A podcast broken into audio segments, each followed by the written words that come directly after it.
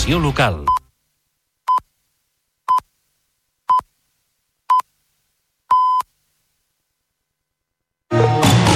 Notícies en xarxa, edició matí.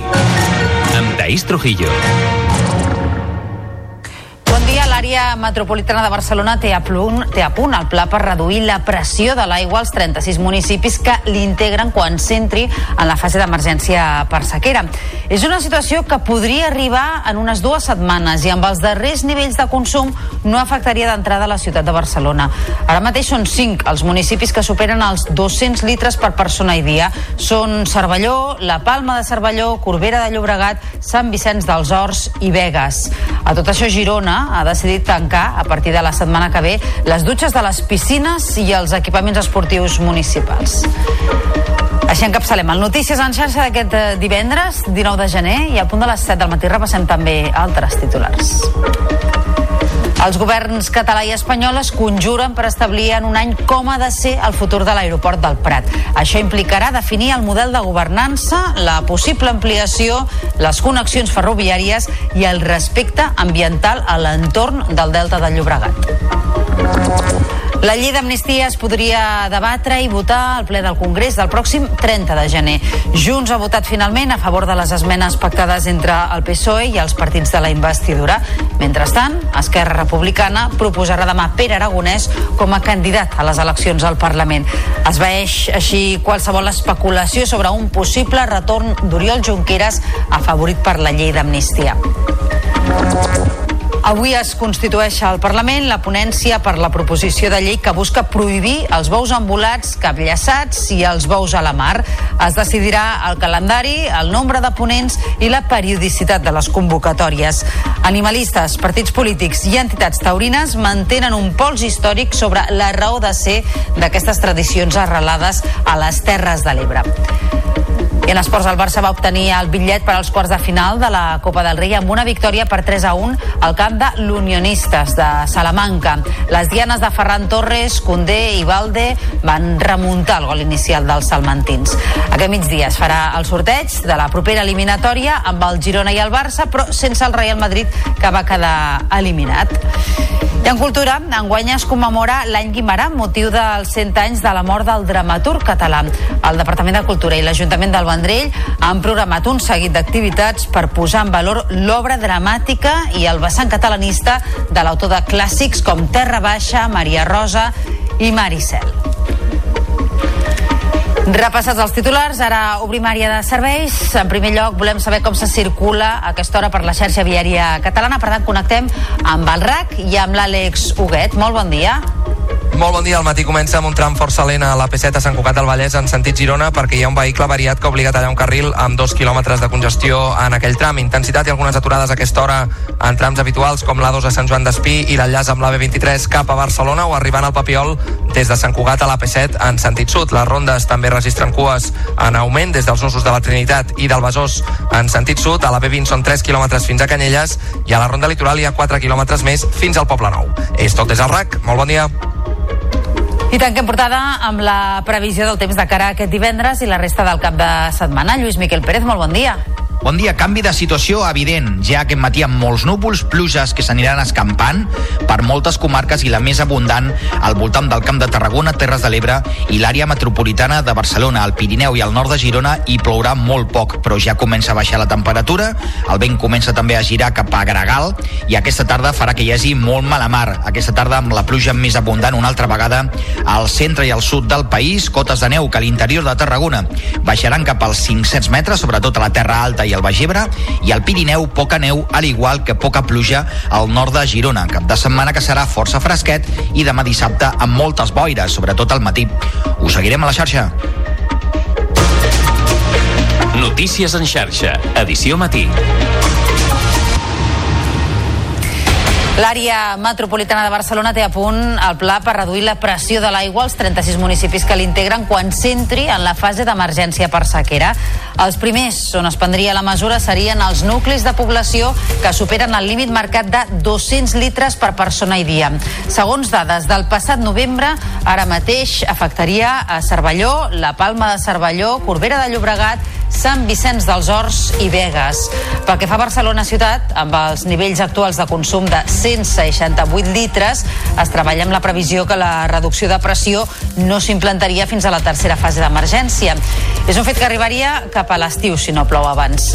Martín Gullón és director del cicle de l'aigua de l'AMB no té sentit començar a preocupar-se d'una ciutat que té 168 quan hi ha altres que estan molt per sobre començarem i, i, i amb això anirem fent. Evidentment, a l'escenari d'aquí uns mesos pues no us he dit, si realment d'aquí a l'estiu o sigui, el que és la, les pluges de la primavera no són bones, eh, pues tenim un problema. I com dèiem, Cervelló és un dels cinc municipis que amb el consum actual veuria reduïda la pressió de l'aigua possiblement d'aquí a dues setmanes escasses. El seu alcalde, José Ignacio Aparicio, ha instat el treball conjunt en col·laboració amb totes les administracions implicades per fer front als efectes devastadors de la sequera. La preocupació no és si un municipi consumeix més o l'altre, el que és com busquem solucions. Eh? I el que es tracta és de buscar solucions conjuntament doncs, amb les ajudes de, de, de l'ACA, en aquest cas, amb la nova licitació que estem treballant amb l'àrea metropolitana perquè els pobles que estem en pròrroga forçosa eh, amb l'empresa que controla l'aigua doncs puguin fer inversions eh, eh, que són tan necessàries en xarxes que estan molt obsoletes i estan molt, són molt antigues i Girona tancarà les dutxes de les piscines i els equipaments esportius municipals a partir de la setmana que ve i només es podran utilitzar després dels partits. La mesura, que s'ha adoptat en el marc del comitè de sequera, suposarà que tant els equips d'esports de base com els professionals no puguin dutxar-se després dels entrenaments. En té els detalls la televisió de Girona. A les piscines municipals es tancaran les dutxes i només es deixaran obertes les del costat de la piscina, que serveixen per treure el clor després del bany. Tot i això, les dutxes de la piscina de la Devesa romandran obertes, ja que estan incloses en el pla fred. Per altra banda, des del consistori estan treballant en el procés d'electrificació dels dos pous del Sitjà i han començat les proves per reduir la pressió de l'aigua a la ciutat. Les dutxes de les piscines eh, romandran tancades, només eh, es quedaran obertes les dutxes, diguéssim, de platja, que es diuen tècnicament, que són aquelles que estan al costat perquè les persones es puguin treure el clor.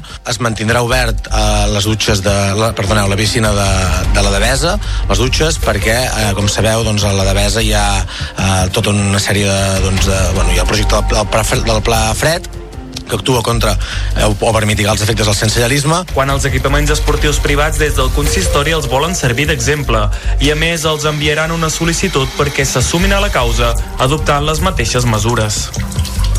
Encara a les comarques gironines, l'ACA ha multat l'Ajuntament d'Argelaguer a la Garrotxa amb 2.800 euros per accés de consum d'aigua per habitant.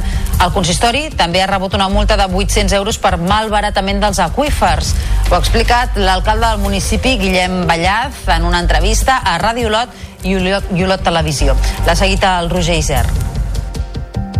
Segons les darreres xifres de novembre d'aquest 2023, Argelaguer va registrar un consum de 422 litres, unes dades que agrupen el consum domèstic industrial, fet que no agrada gens a l'Ajuntament del municipi. Hi ha dues parts, una part, diguem-ne, per l'accés de consum aquest teòric, eh, que ja, és, o sigui, ells mateixos reconeixen que, que no incomplim, però administrativament, sobre el paper, com que tot consta com a domèstic, sí que incomplim.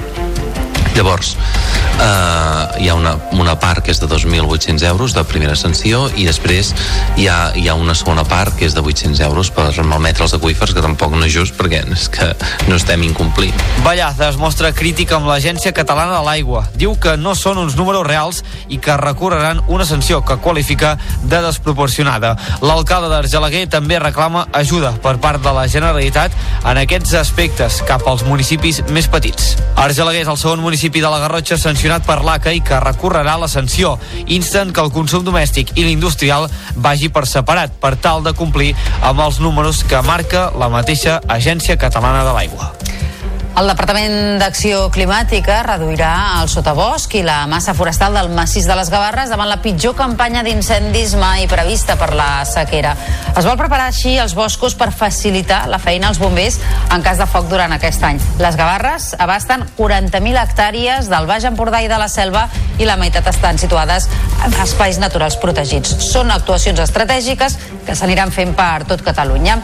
Ens ho expliquen en la següent crònica els companys de Televisió Costa Brava.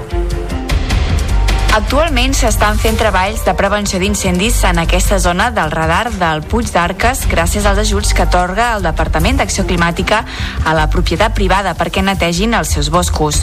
S'està actuant en una zona de 75 hectàrees amb un cost de 171.000 euros. Es tracta d'un massís de massa forestal contínua molt gran i com que és inevitable treballar a tota la superfície, la idea és actuar en diversos punts estratègics, en concret en un 10% de la superfície total per tal de protegir la resta de terrenys i facilitar la feina als bombers en cas d'incendi. Es defineixen els plans de, de prevenció prioritaris arreu de tots aquests massissos eh, concretament aquí a les Gavarres de les 39.000 hectàrees eh, pràcticament 3.000 estan definides com a llocs eh, estratègics on hem d'actuar i ho fem gràcies a l'actuació que fan els privats, amb els ajuts que reben de la Generalitat. Segons el Servei de Prevenció d'Incendis, els efectes de la sequera sobre els boscos de Girona seria d'unes 3.700 hectàrees.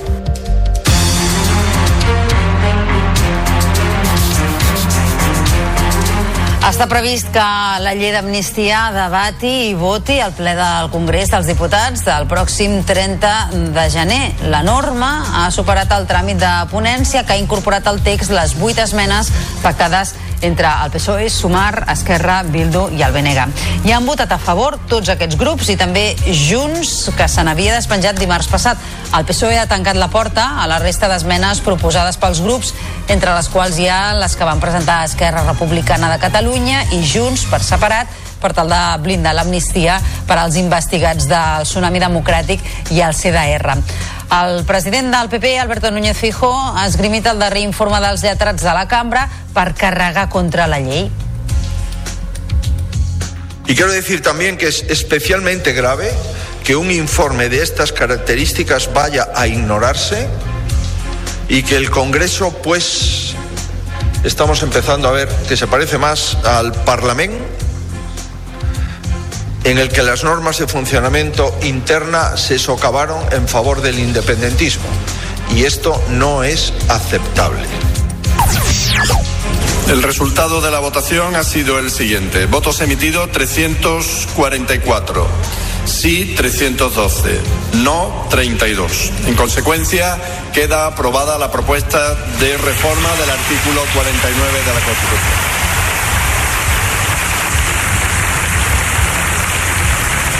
D'aquesta manera, el ple del Congrés, reunit al Senat, ha aprovat aquest dijous per una amplíssima majoria i només s'ha despenjat Vox la reforma de l'article 49 de la Carta Magna que permetrà esborrar el terme disminuïts per donar pas al de persones amb discapacitat. Es compleix així amb una llarga reivindicació del col·lectiu que pretén, amb el canvi de concepte, un tracte respectuós, democràtic i igualitari vers les persones amb discapacitat, reconeixent la seva autonomia. PSOE i PP han sumat els seus vots a favor de la reforma constitucional, tot i el clima de polarització i el distanciament entre els dos grans partits en l'actualitat. El president del govern, Pedro Sánchez, que ha tancat aquest debat històric a la cambra, ha aprofitat per demanar més acords i més reformes constitucionals. Señorías, podemos discrepar, podemos debatir, pero también tenemos la extraordinaria oportunidad y la obligación de acordar para mejorar la vida de la, de la gente, de los ciudadanos de a pie. Hoy aprobamos una reforma constitucional que cuenta con un amplio respaldo del conjunto de la sociedad. Voten lo que voten. Pero existen muchas otras reformas en las que los ciudadanos y ciudadanas están esperando que lleguemos a acuerdos. Esquerra Republicana de Catalunya proposarà demà al president de la Generalitat, Pere Aragonès, com a candidat a les properes eleccions al Parlament. La mateixa direcció en farà la proposta, que té l'aval del president del partit, Oriol Junqueras, i de la secretària general, Marta Rovira. D'aquesta manera, Esquerra talla d'arrel les especulacions d'un possible retorn de Junqueras com a cap de llista gràcies a l'entrada en vigor de la llei d'amnistia.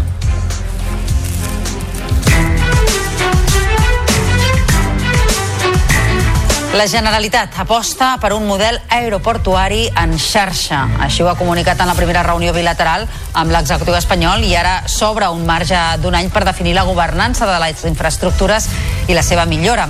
Una de les prioritats és augmentar la capacitat del Prat després que hagi tancat el 2023 fregant els 50 milions de passatgers.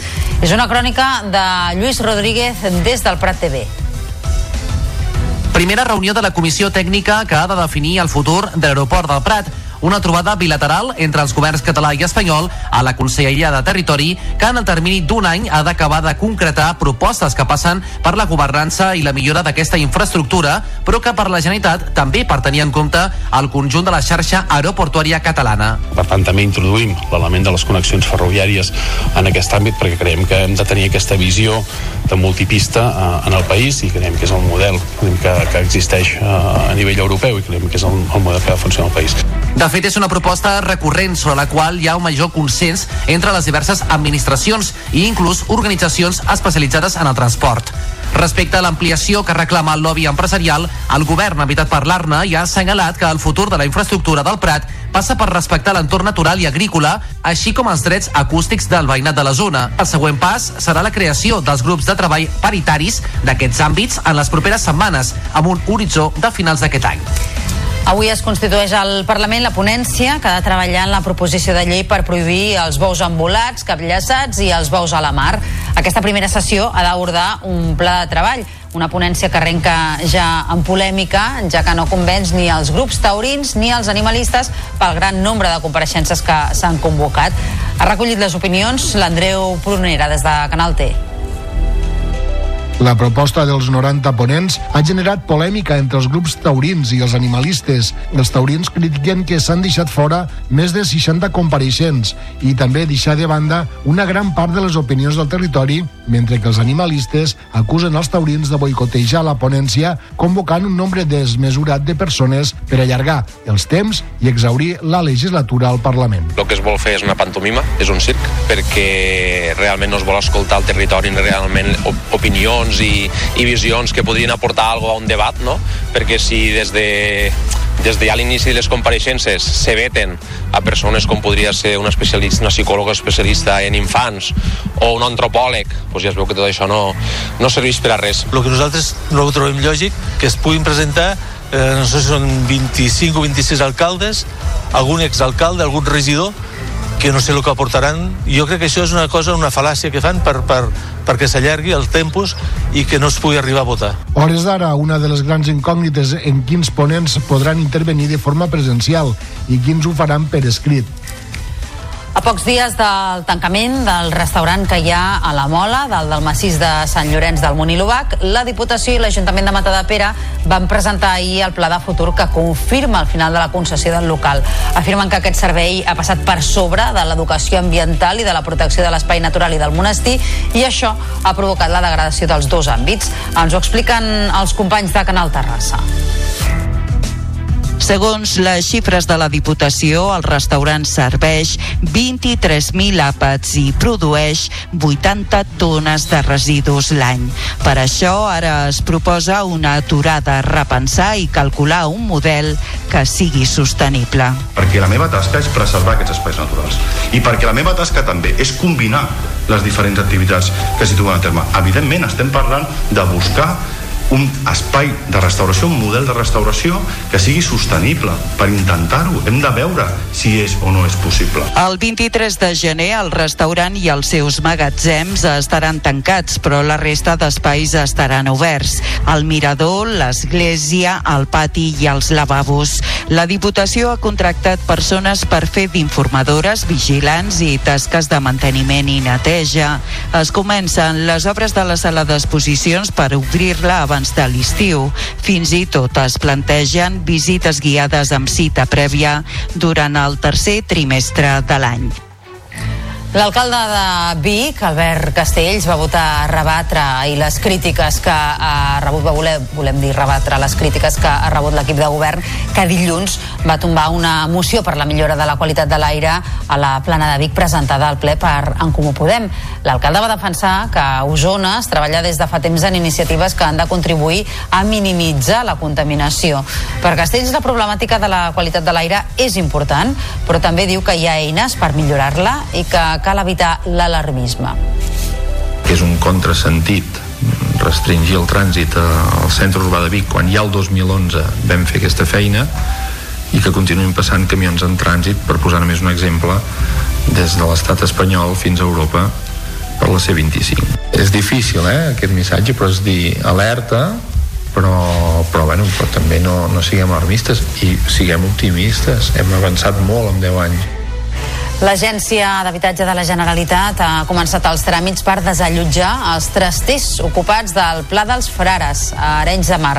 Aquest òrgan ha atès la petició d'aquest Ajuntament del Maresme demanant una solució per a un grup de joves migrants extutelats que malviuen des de fa temps en aquests espais situats al pàrquing d'una promoció de pisos socials. L'edificació està controlada des de fa uns 4 anys per màfies que han arribat a ocupar bona part dels 68 pisos que hi ha. Soraya Real, regidora de Serveis Socials d'Arenys de Mar, ha parlat d'una acció contundent que passa per dues actuacions. Primer, per arreglar totes les zones comunes i tot allò que, que et dic que tenien abandonat i que la gent es queixa molt perquè són bancs que estan destrossats, eh, algunes esquerdes a la paret que s'han d'arreglar i llavors l'altre tema, evidentment, és eh, arreglar la situació dels, dels trasters. Però per dues coses molt importants, perquè ja no pot viure ningú d'una manera humana, o sigui, la gent que està vivint allà està malvivint, i segon perquè, a més a més, estan posant en perill la seva pròpia vida i també la de la gent que viu a l'edifici.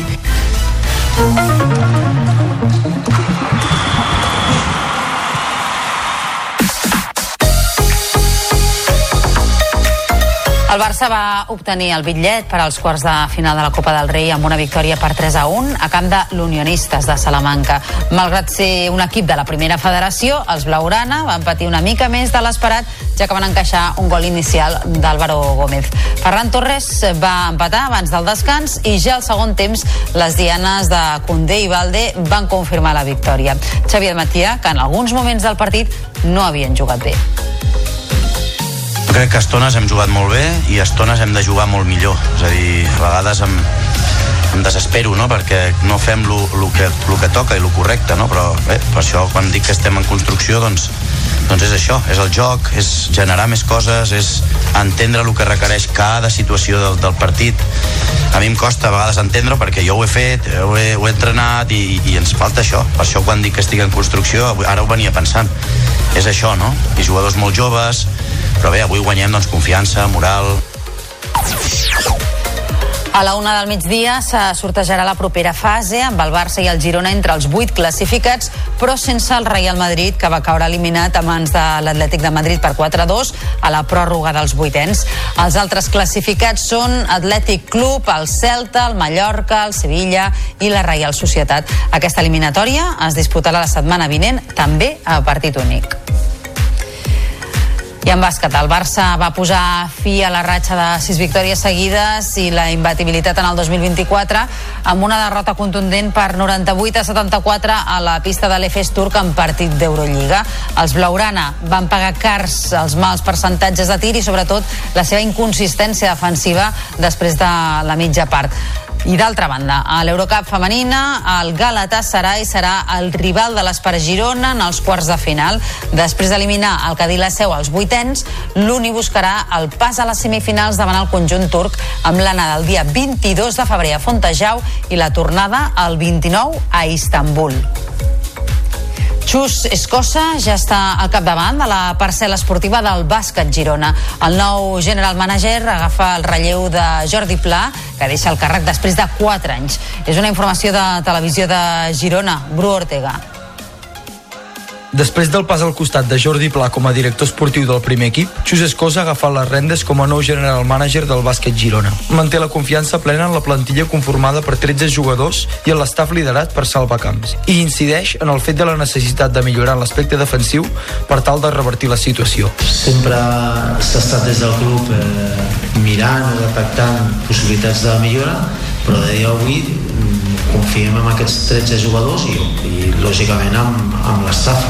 Conec el club, conec a, a molta gent que està dins de, de l'estaf, que hem treballat molts anys junts, que hem construït el club eh, des de l'inici i, i bé, i, i, i entre tots els que estem ara en aquest estaf hem de revertir la, la dinàmica. Escossa ja lidera el projecte per tal d'assolir l'objectiu de mantenir la màxima categoria del primer equip per segona temporada consecutiva.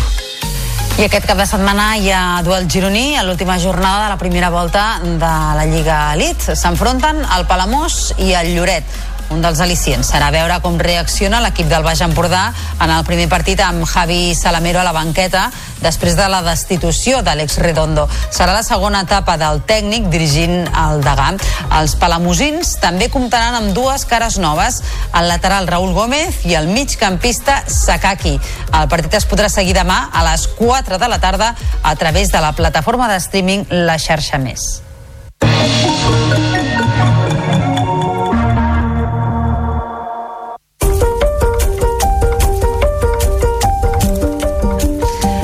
Enguany es commemoren els 100 anys de la mort del dramaturg Àngel Guimarà. Per recordar aquesta efemèride, el Departament de Cultura i l'Ajuntament del Vendrell han preparat l'Any Guimarà, una celebració plena d'activitats que vol recordar tota l'obra dramàtica de l'autor, la seva faceta de poeta i també el seu catalanisme. Un acte inaugural al Teatre Àngel Guimarà el proper 23 de febrer posarà en marxa la celebració. Fins al 26 de novembre, quan es clourà a la sala gran del TNC, l'any Guimarà inclourà activitats a la seva casa Museu del Vendrell o representacions teatrals com les de les obres Arran de Terra o Mosaic de Passions. La directora de la Institució de les Lletres Catalanes, Izaskun Arretxe, ha dit que es vol donar a conèixer més sobre Àngel Guimarà. donar a conèixer el Guimarà dramaturg en tota la seva amplitud, és a dir, no només aquelles quatre obres de teatre que sempre tothom coneix i representa, Maricel, La filla del mar, Maria Rosa i Terra Baixa. D'altra banda, reivindicar-lo com a poeta. Va ser un poeta notable, va ser un poeta molt important en la seva època i volem mm, fer una lectura de la poesia de Guimarà des de, des de l'ara i l'avui. I finalment recordar la seva faceta de verbalitzador del catalanisme També es faran activitats dramàtiques al Teatre Nacional de Catalunya o al Festival Grec, així com una lectura de la seva obra poètica a càrrec d'autors contemporanis o concerts. I torna el jazz a prop, el cicle de jazz als districtes, eh, previ al gran festival de jazz de Terrassa. Seran sis concerts d'una gran varietat de sons dins el món del jazz, amb músics de Terrassa i amb destacada presència femenina. Es faran cada cap de setmana fins al 2 de març. I no deixem Terrassa i el jazz perquè la nova Jascava celebrarà amb tres concerts molt especials 30 anys de música al cor de la ciutat. Els concerts serviran de pròleg a un 43è Festival de Jazz Terrassa que arrencarà l'1 de març. Des de la nova Jascava, la seva coordinadora, Susana Carmona, valora així aquests 30 anys. És pràcticament un miracle que aconseguir fer més de 5.000 concerts amb aquests 30 anys eh, cada setmana durant 10 mesos l'any amb una temporada regular de club amb un festival com a seu central és, és una fita molt important i més tenint en compte que s'organitza des d'una associació cultural d'un club com és el Club de Jazz d'Amics de les Arts i Joventuts Musicals. Vol dir que nosaltres estem supercontents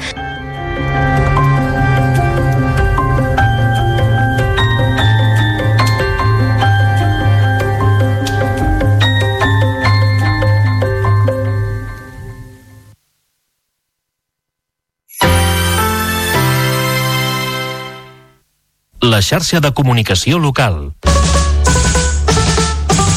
Propostes en xarxa. Ara que acabem d'estrenar un nou any, segur que alguns de vosaltres heu aprofitat per fer allò de mirar enrere, una retrospectiva, un balanç dels últims mesos. Un exercici que també ens proposa el novè cicle Rere el taló. Entre els mesos de gener i maig, la novena edició del cicle Rere el taló de Porqueres ens convida a viure la cultura de ben a prop amb vuit produccions de petit format i en un espai escènic amb caràcter propi. La proposta és fer un viatge al passat amb l'objectiu de celebrar el present, un trajecte que inclou memòria, tradició, llegat i herència cultural. Per això, el punt de partida dels espectacles d'aquesta edició està estretament lligat al passat. Repensar-se tot fent una mirada enrere, aferrar-se a la tradició des de la modernitat, explicar la història a través d'expressions artístiques actuals. Una teoria que a la pràctica es tradueix amb títols com Papers de la guerra, l'encarregat encarregada de donar el tret de sortida al cicle. És la història dels Castells, una família de teatre i mestres d'ofici de construcció d'escenografies que trenquen el silenci a través de la lectura dels seus dietaris. A més a més, també hi trobareu música, dansa, teatre documental i teatre visual d'objectes. Del 20 de gener al 4 de maig, novena edició del cicle Rere el taló a Porqueres. Podeu consultar-ne totes les propostes a www.rereltaló.cat.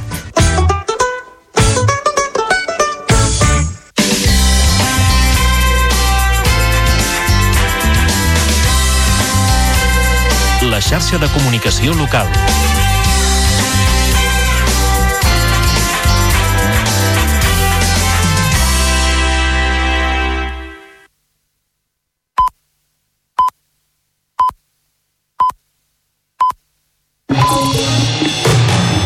Notícies en xarxa, edició matí. Amb Taís Trujillo. Bon dia, són dos quarts de vuit del matí i avui encapçalem el Notícies en xarxa amb el pla per reduir la pressió de l'aigua als 36 municipis que integren l'àrea metropolitana de Barcelona quan s'entri en la fase d'emergència per sequera. És una situació que podria arribar en unes dues setmanes i amb els darrers nivells de consum no afectaria d'entrada a la ciutat de Barcelona. Ara mateix són cinc els municipis que superen els 200 litres per persona i dia. Són Cervelló, la Palma de Cervelló, Corbera de Llobregat, Sant Vicenç dels Horts i Vegas. A tot això, Girona ha decidit tancar a partir de la setmana que ve les dutxes de les piscines i dels equipaments esportius municipals. De seguida us ho ampliarem, abans però repassem també altres titulars d'aquest divendres 19 de gener. Els governs català i espanyol es conjuren per establir en un any com ha de ser el futur de l'aeroport del Prat. Això implicarà definir el model de governança, la possible ampliació, les connexions ferroviàries i el respecte ambiental a l'entorn del Delta del Llobregat. La llei d'amnistia es podria debatre i votar al ple del Congrés del pròxim 30 de gener. Junts ha votat finalment a favor de les esmenes pactades entre el PSOE i els partits de la investidura. I mentrestant Esquerra Republicana proposarà demà Pere Aragonès com a candidat a les eleccions al Parlament. Es veeix així qualsevol especulació sobre un possible retorn d'Oriol Junqueras afavorit per la llei d'amnistia. Avui es constitueix al Parlament la ponència per la proposició de llei que busca prohibir els bous embolats, capllaçats i els bous a la mar. Es decidirà el calendari, el nombre de ponents i la periodicitat de les convocatòries. Animalistes, partits polítics i entitats taurines mantenen un pols històric sobre la raó de ser d'aquestes tradicions arrelades a les Terres de l'Ebre. I a pocs dies del tancament del restaurant que hi ha a la Mola, del del massís de Sant Llorenç del Munt i l'Ubac, la Diputació i l'Ajuntament de Matadepera van presentar ahir el pla de futur que confirma el final de la concessió del local, afirmant que aquest servei ha passat per sobre de l'educació ambiental i de la protecció de l'espai natural i del monestir i que això ha provocat la degradació dels dos àmbits. En parlarem d'aquí a uns minuts amb la gestora del restaurant, Gemma Gimferrer. I en esports, el Barça va obtenir el bitllet per als quarts de final de la Copa del Rei amb una victòria per 3 a 1 a camp de l'Unionistes de Salamanca. Les dianes de Ferran Torres, Condé i Valde van remuntar el gol inicial dels salmantins. Aquest migdia es farà el sorteig de la propera eliminatòria amb el Girona i el Barça, però sense el Real Madrid que va quedar eliminat. I en cultura us expliquem que enguany eh, es commemora l'any Guimarà amb motiu dels 100 anys de la mort del dramaturg català. El Departament de Cultura i l'Ajuntament del Vendrell han programat un seguit d'activitats per posar en valor l'obra dramàtica i el vessant catalanista de l'autor de clàssics com Terra Baixa, Maria Rosa i Maricel. I repassats els titulars, ara obrim plana de serveis amb el trànsit. Segons el RAC, hi ha cues a l'AP7 a Sant Cugat del Vallès per l'avaria d'un vehicle que obliga a tallar un carril en sentit Girona. A la mateixa AP7 hi ha retencions també en sentit sud a Vilanova del Vallès i a Montornès, a la C58 a Ripollet, cap a Sabadell, a Molins de Rei, a la B23 en sentit nord i a la 2 des de Pallejà fins ben bé la zona de Sant Joan d'Espí. I a les rondes divendres amb més lentitud de l'habitual en sentit Llobregat. I ara la previsió del temps. S'esperen pluges a moltes comarques, sobretot a les de Tarragona i l'àrea metropolitana de Barcelona. I es preveu que aquesta vegada siguin força abundants. Al Pirineu avui hi nevarà, però poc. Notícies en xarxa, edició matí. L'àrea metropolitana de Barcelona té a punt el pla per reduir la pressió de l'aigua als 36 municipis que l'integren quan s'entri en la fase d'emergència per sequera. Els primers on es prendria la mesura serien els nuclis de, població que superen el límit marcat de 200 litres per persona i dia. Segons dades del passat novembre, ara mateix afectaria a Cervelló, la Palma de Cervelló, Corbera de Llobregat, Sant Vicenç dels Horts i Vegas. Pel que fa a Barcelona ciutat, amb els nivells actuals de consum de 168 litres, es treballa amb la previsió que la reducció de pressió no s'implantaria fins a la tercera fase d'emergència. És un fet que arribaria cap a l'estiu si no plou abans. Martín Gullón és director del cicle de l'aigua de l'AMB no té sentit començar a preocupar-se d'una ciutat que té 168 quan hi ha altres que estan molt per sobre començarem i, i, i amb això anirem fent. Evidentment, a l'escenari d'aquí uns mesos, pues no us he dit, si realment d'aquí a l'estiu, o sigui, el que és la, les pluges de la primavera no són bones, eh, pues tenim un problema.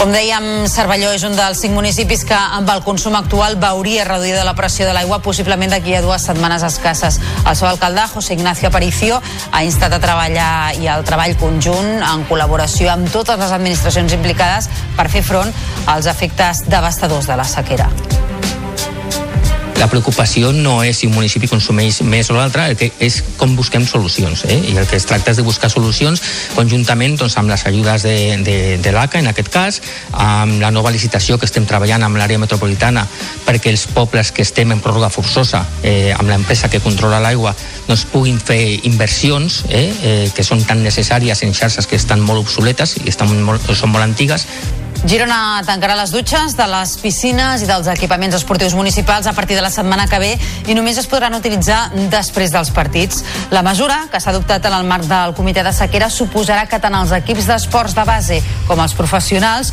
no puguin dutxar-se després dels entrenaments. Entenen els detalls els companys de la televisió de Girona.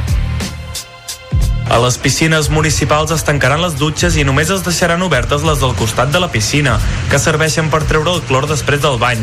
Tot i això, les dutxes de la piscina de la Devesa romandran obertes, ja que estan incloses en el pla fred.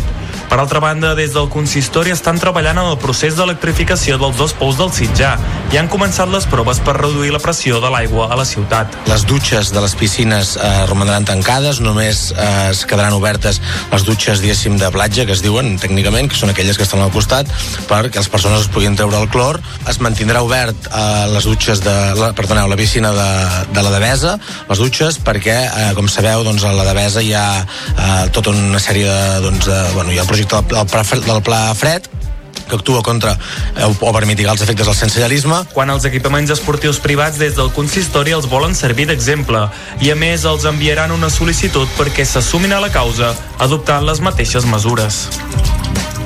Més denúncies de malbaratament d'aigua, en aquest cas, la que fa l'entitat ecologista i a Eden Salvem l'Empordà, que diu que l'Agència Catalana de l'Aigua, el Consorci d'Aigües Costa Brava i la comunitat de regants del marge esquerre de la Muga han malbaratat grans quantitats d'aigua al riu. Ho recull el David Terrones des d'Empordà TV. En un comunicat, l'entitat assegura que la mala planificació d'aquestes entitats ha provocat la pèrdua de quantitats significatives d'aigua, la qual cosa ha forçat el Consorci a demanar una dotació d'aigua que finalment no va ser utilitzada.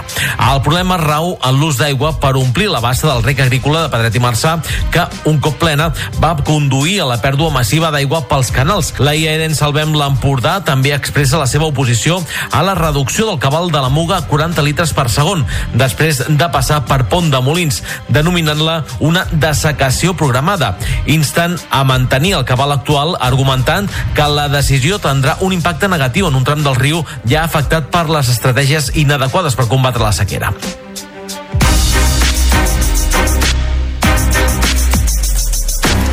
Està previst que la llei d'amnistia sigui debatuda i votada al ple del Congrés dels Diputats del pròxim 30 de gener. La norma ha superat el tràmit de ponència que ha incorporat al text les vuit esmenes pactades entre el PSOE, Sumar, Esquerra, Bildu i el Benega.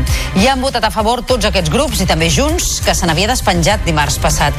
El PSOE ha tancat la porta a la resta d'esmenes proposades pels grups, entre les quals hi ha les que van presentar Esquerra Republicana de Catalunya i Junts per separat, per blindar l'amnistia per als investigats del Tsunami Democràtic i el CDR.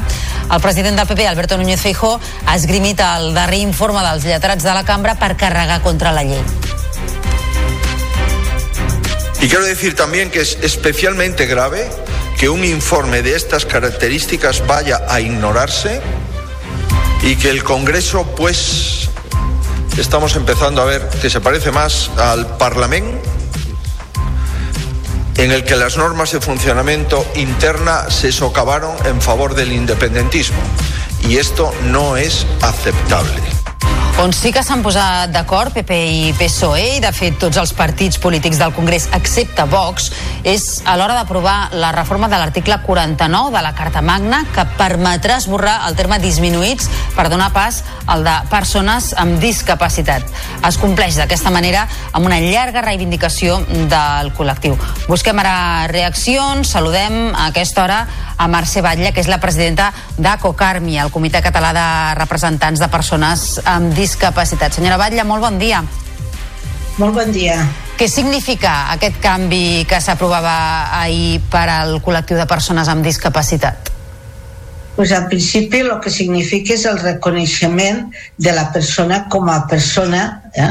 i llavors és algo molt reivindicat des de fa molt temps, des del moment que se va arribar a un consens en l'aprovació la, de la Convenció de les Nacions Unides i el consens internacional s'ha començat a reivindicar que tenia que estar també recollit a la, al, al Codi Magne de, de lo que és la, la normativa espanyola no? llavors a partir d'aquí el que necessitem és que també es reconegui en totes les lleis i tots els tractaments que tenim que venen lligats amb aquesta normativa Quines són les diferències eh, per vostès entre, entre les connotacions, entre el concepte en si que hi havia ara a la Constitució de disminuïts respecte al que hi haurà ara de persones amb, amb discapacitat? És un salt qualitatiu, oi? és reconèixer a la, a la persona, com dèiem, persona com a persona i la seva realitat i pues, ja poder, poder anar tot arreu sense que ningú te digui és que aquest és el teu nom el teu nom és el, el, la realitat és de persona amb discapacitat, però persona sempre. Mm -hmm. Més enllà del canvi eh, de concepte, del canvi de la terminologia, de terminologia que s'ha aplicat a partir d'ara a la Constitució, hi ha també ampliació de drets? Eh, s'amplien els drets perquè també reconeix a la persona i ara així com abans se la reconeixia com a, com algú que està aquí però que era un, una visió més assistencial de la persona ara estem parlant d'una visió més autònoma de la persona i també pues, en plena capacitat jurídica i en plena capacitat de poder ella desenvolupar i, i poder eh, exercir els seus drets com a ciutadà de ple dret. Mm. I es posa també èmfasi en les necessitats específiques de les dones i dels menors amb discapacitat. Uh, Mercè Batlle, presidenta de Cocarmi, moltíssimes gràcies per haver-nos atès aquest matí al Notícies en xarxa per comentar aquest canvi a la Constitució. Molt bon dia. Molt bon dia, gràcies. I nosaltres eh, seguim parlant de qüestions eh, relacionades amb l'actualitat eh, per parlar, en aquest cas, d'actualitat política, perquè Esquerra Republicana de Catalunya proposarà demà el president de la Generalitat, Pere Aragonès, com a candidat a les properes eleccions al Parlament. La mateixa direcció en farà la proposta que té l'aval del president del partit, Oriol Junqueras, i de la secretària general, Marta Rovira. D'aquesta manera, Esquerra talla d'arrel les especulacions d'un possible retorn de Junqueras com a cap de llista gràcies a l'entrada en vigor de la llei d'amnistia.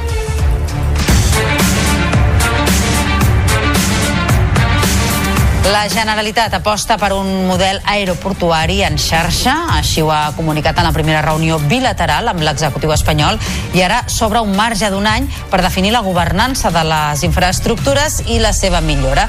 Una de les prioritats és augmentar la capacitat del Prat després que hagi tancat el 2023 fregant els 50 milions de passatgers.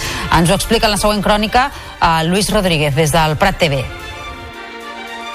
Primera reunió de la comissió tècnica que ha de definir el futur de l'aeroport del Prat una trobada bilateral entre els governs català i espanyol a la Conselleria de Territori que en el termini d'un any ha d'acabar de concretar propostes que passen per la governança i la millora d'aquesta infraestructura, però que per la Generalitat també per tenir en compte el conjunt de la xarxa aeroportuària catalana. Per tant, també introduïm l'element de les connexions ferroviàries en aquest àmbit perquè creiem que hem de tenir aquesta visió de multipista eh, en el país i creiem que és el model que, que existeix eh, a nivell europeu i creiem que és el, el model que funcionar al país. De fet, és una proposta recurrent sobre la qual hi ha un major consens entre les diverses administracions i inclús organitzacions especialitzades en el transport. Respecte a l'ampliació que reclama el lobby empresarial, el govern ha evitat parlar-ne i ha assenyalat que el futur de la infraestructura del Prat passa per respectar l'entorn natural i agrícola, així com els drets acústics del veïnat de la zona. El següent pas serà la creació dels grups de treball paritaris d'aquests àmbits en les properes setmanes, amb un horitzó de finals d'aquest any. Avui es constitueix al Parlament la ponència que ha de treballar en la proposició de llei per prohibir els bous embolats, capllaçats i els bous a la mar. Aquesta primera sessió ha d'abordar un pla de treball una ponència que arrenca ja en polèmica, ja que no convenç ni els grups taurins ni els animalistes pel gran nombre de compareixences que s'han convocat. Ha recollit les opinions l'Andreu Prunera des de Canal T. La proposta dels 90 ponents ha generat polèmica entre els grups taurins i els animalistes. Els taurins critiquen que s'han deixat fora més de 60 compareixents i també deixar de banda una gran part de les opinions del territori, mentre que els animalistes acusen els taurins de boicotejar la ponència convocant un nombre desmesurat de persones per allargar els temps i exaurir la legislatura al Parlament. El que es vol fer és una pantomima, és un circ, perquè realment no es vol escoltar el territori ni realment opinions i, i visions que podrien aportar alguna a un debat, no? Perquè si des de, des de ja l'inici de les compareixences se veten a persones com podria ser una especialista, una psicòloga especialista en infants o un antropòleg, doncs ja es veu que tot això no, no serveix per a res. El que nosaltres no ho trobem lògic, que es puguin presentar, eh, no sé si són 25 o 26 alcaldes, algun exalcalde, algun regidor, que no sé el que aportaran. Jo crec que això és una cosa, una fal·làcia que fan per, per, perquè s'allargui el tempus i que no es pugui arribar a votar. Hores d'ara, una de les grans incògnites en quins ponents podran intervenir de forma presencial i quins ho faran per escrit. A pocs dies del tancament del restaurant que hi ha a la Mola, del del massís de Sant Llorenç del Munt i l'Ubac, la Diputació i l'Ajuntament de Matadepera van presentar ahir el pla de futur que confirma el final de la concessió del local, afirmant que mm, aquest servei ha passat per sobre de l'educació ambiental i de la protecció de l'espai natural i del monestir i que això ha provocat la degradació de tots dos àmbits. Un tancament que ha generat rebuig per part dels excursionistes que freqüenten el cim i també per part de la família que regenta el restaurant restaurant. Gemma Ginferrer, gestora del restaurant de la Mola, molt bon dia. Hola, molt bon dia, Taís. Què tal? Ahir, bon dia. Ahir va haver aquesta reunió eh, entre Diputació, Ajuntament de Matadepera, i no hi va haver marxa enrere. Sembla que eh, definitivament es tancaran les portes del restaurant d'aquí a molt poquet. Com afronteu aquestes darreres jornades de servei de restauració a la Mola? Pues de moment treballant molt perquè la gent pues, es vol fer la, es vol despedir però, però bueno, molt tristos al mateix temps, perquè clar, són 58 anys que estem, que estem allà Jo tenia 6 anys quan vaig pujar de dalt. Deia, clar, és una mica un disgust. Tristos, però no rendits del tot o, o ara ja sí que ho veieu impossible? Bueno, és que clar, la reunió d'ahir mateixa tot i que era una reunió consultiva, mm, envia, eh, o sigui, invit, conviden a només periodistes van convidar. Si es diuen consultives les reunions aquestes haurien de ser consultives. Nosaltres vam entregar 14.400 signatures a favor de que no es tanqués el restaurant. A ningú en cap moment se'ls ha reunit per demanar-los la seva opinió. Aleshores creiem que això és molt trist, que, que, estiguis, que tinguis uns polítics que treballen per tu i que en el fons no estiguin treballant per tu, que facin el que ells vulguin. Mm -hmm. Esteu d'acord, però, amb algun o alguns dels arguments que esgrimeix l'administració pública per fer aquest eh, tancament de degradació del medi ambient i de massificació? Bueno, és que, aviam, des de que va haver-hi el Covid, la massificació, la, la, el volum de gent va créixer bastant, com a tot arreu per això, perquè la gent, doncs, després d'estar tancat dos anys gairebé, doncs, teníem ganes de sortir tots. Llavors la mola estava allà al costat de tothom, molt, molt a prop de tot el que és l'àrea metropolitana del Vallès Occidental, per tant és un punt d'afluència des de Barcelona. És la primera imatge que tens quan surts per l'autopista del Coll de Montcada. Vull dir que de seguida ho tens allà i pots, pots uh, marxar. Si estem d'acord, doncs, bueno, ja fa molts anys que els estem dient que el restaurant de la Mola li fa falta una inversió. És més, els altres ajuntaments, els, els altres consistoris que hi havia abans que, que aquest del Guillem Montagut, ja havien rebut queixes de, sí, intenció de la Diputació de Barcelona per tancar-ho. Però l'Ajuntament li deia que no, que el que s'havia de fer era invertir. No es podia tancar una instal·lació com aquella de més de 80 anys d'història que és el que estan fent. Estan tancant un restaurant de més de 80 anys d'història. Nosaltres en portem 56 però quan vam arribar nosaltres ja hi havia els senyors Ros que ja portaven 25 anys en l'establiment. Vull dir que és una, és una icona del Vallès Occidental que, que se'n va, que la tanquen. Perquè sí. N'estarem pendents també d'aquesta protesta que hi ha convocada demà per part de totes les persones que defensen que el restaurant es mantingui obert. Gemma Ginferrer, moltíssimes gràcies per haver-nos atès avui al Notícies en xarxa. Molt bon dia, fins a la propera. A vosaltres, a vosaltres, bon dia.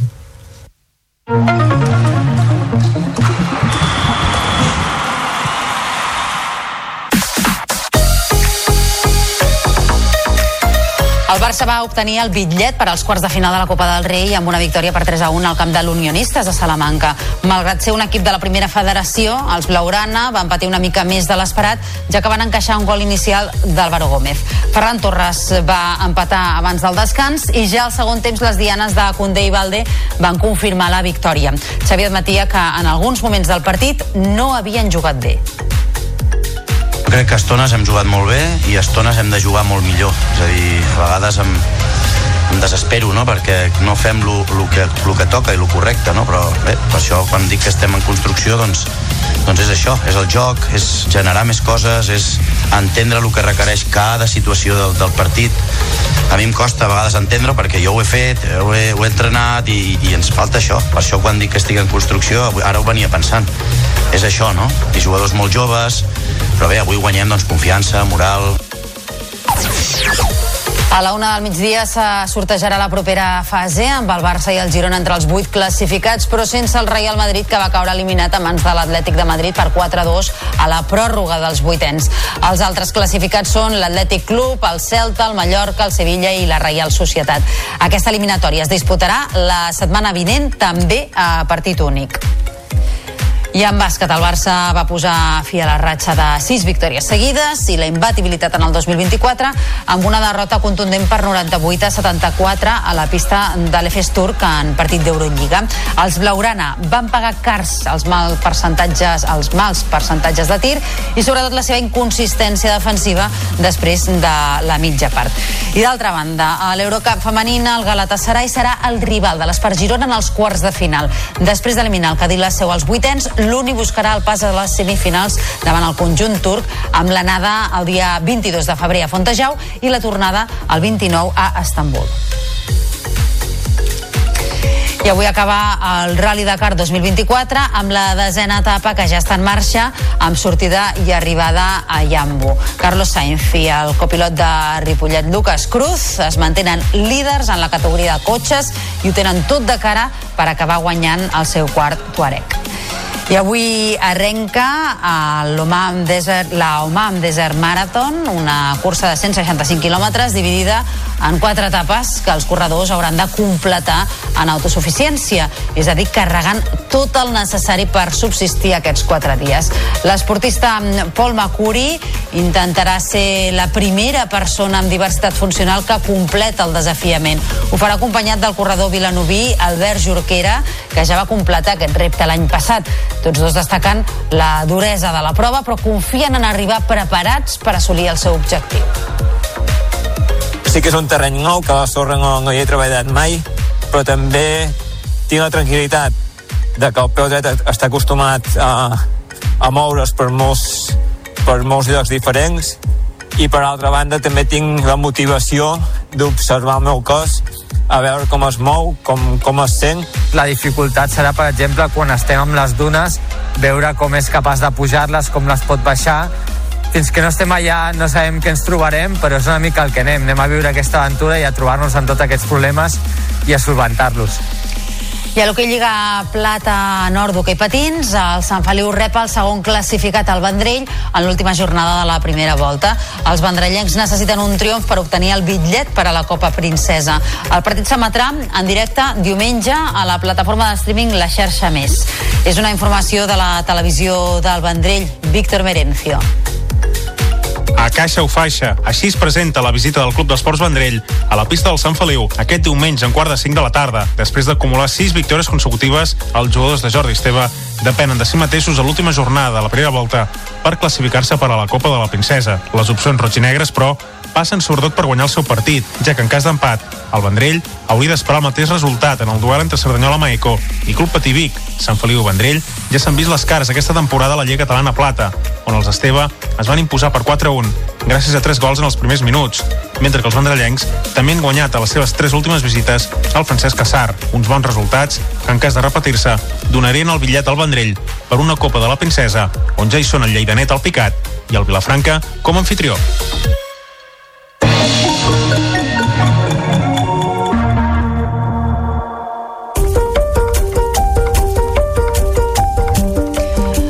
Enguany es commemoren els 100 anys de la mort del dramaturg Àngel Guimarà. Per recordar aquesta efemèride, el Departament de Cultura i l'Ajuntament del Vendrell han preparat l'Any Guimarà, una celebració plena d'activitats que vol recordar tota l'obra dramàtica de l'autor, la seva faceta de poeta i també el seu catalanisme. Un acte inaugural al Teatre Àngel Guimarà el proper 23 de febrer posarà en marxa la celebració.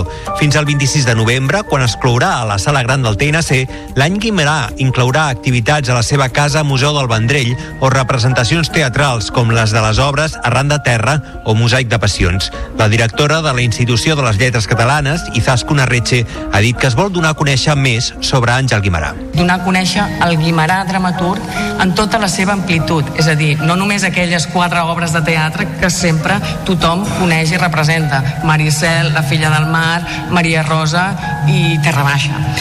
D'altra banda, reivindicar-lo com a poeta. Va ser un poeta notable, va ser un poeta molt important en la seva època i volem mm, fer una lectura de la poesia de Guimarà des de, des de l'ara i l'avui.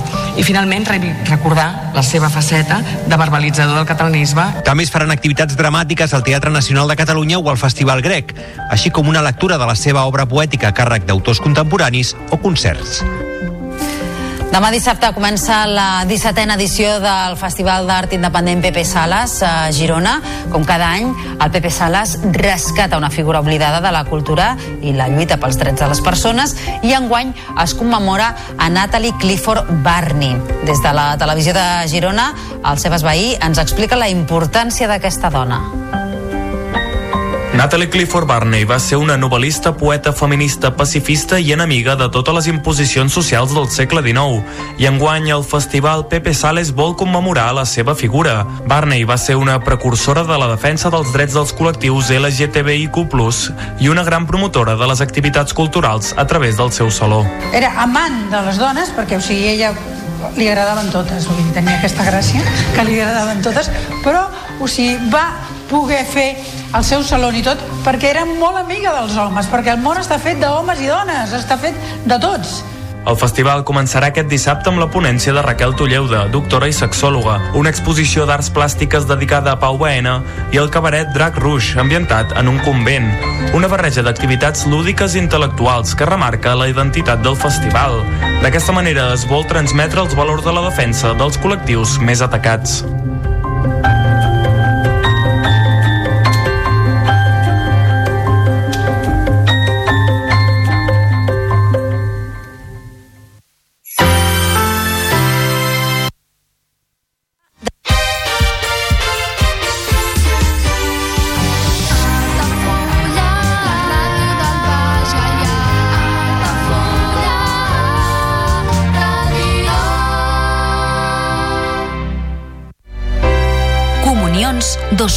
2024. Dates ja disponibles amb sales privades, jardí, pàrquing privat i la millor gastronomia. Més informació i reserves al 977 65 11 55 i a comercial arroba altafullamarotel.com o al web altafullamarotel.com.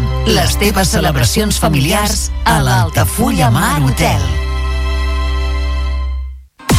Carrer Major, el programa de les emissores del Camp de Tarragona. Cada dia de 4 a 6 de la tarda, el que passa al Camp de Tarragona t'ho expliquem amb la major redacció d'un programa de territori quilòmetre zero. Periodisme de proximitat, continguts de qualitat, amb Anna Plaza i Toni Mateos. Carrer Major.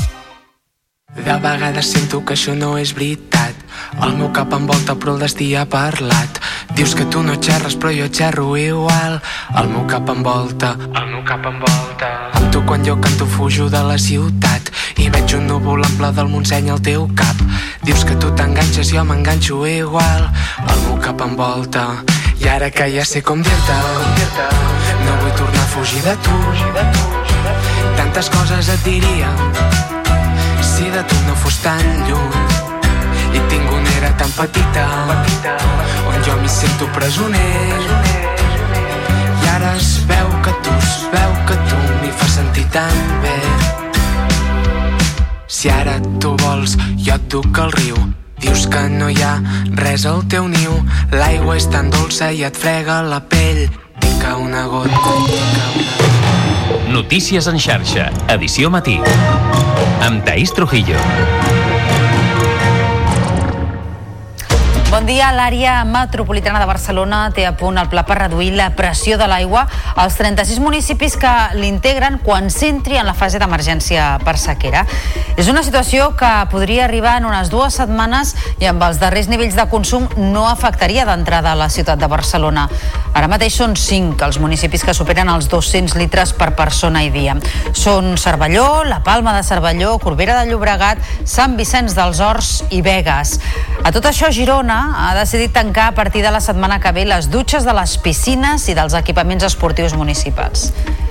Així encapçalem el Notícies en xarxa d'aquest divendres, 19 de gener, i al punt de les 8 del matí repassem també altres titulars. Els governs català i espanyol es conjuren per establir en un any com ha de ser el futur de l'aeroport del Prat.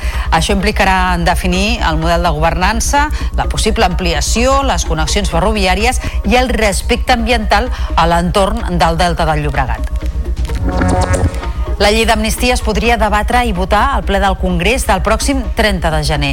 Junts ha votat finalment a favor de les esmenes pactades entre el PSOE i els partits de la investidura.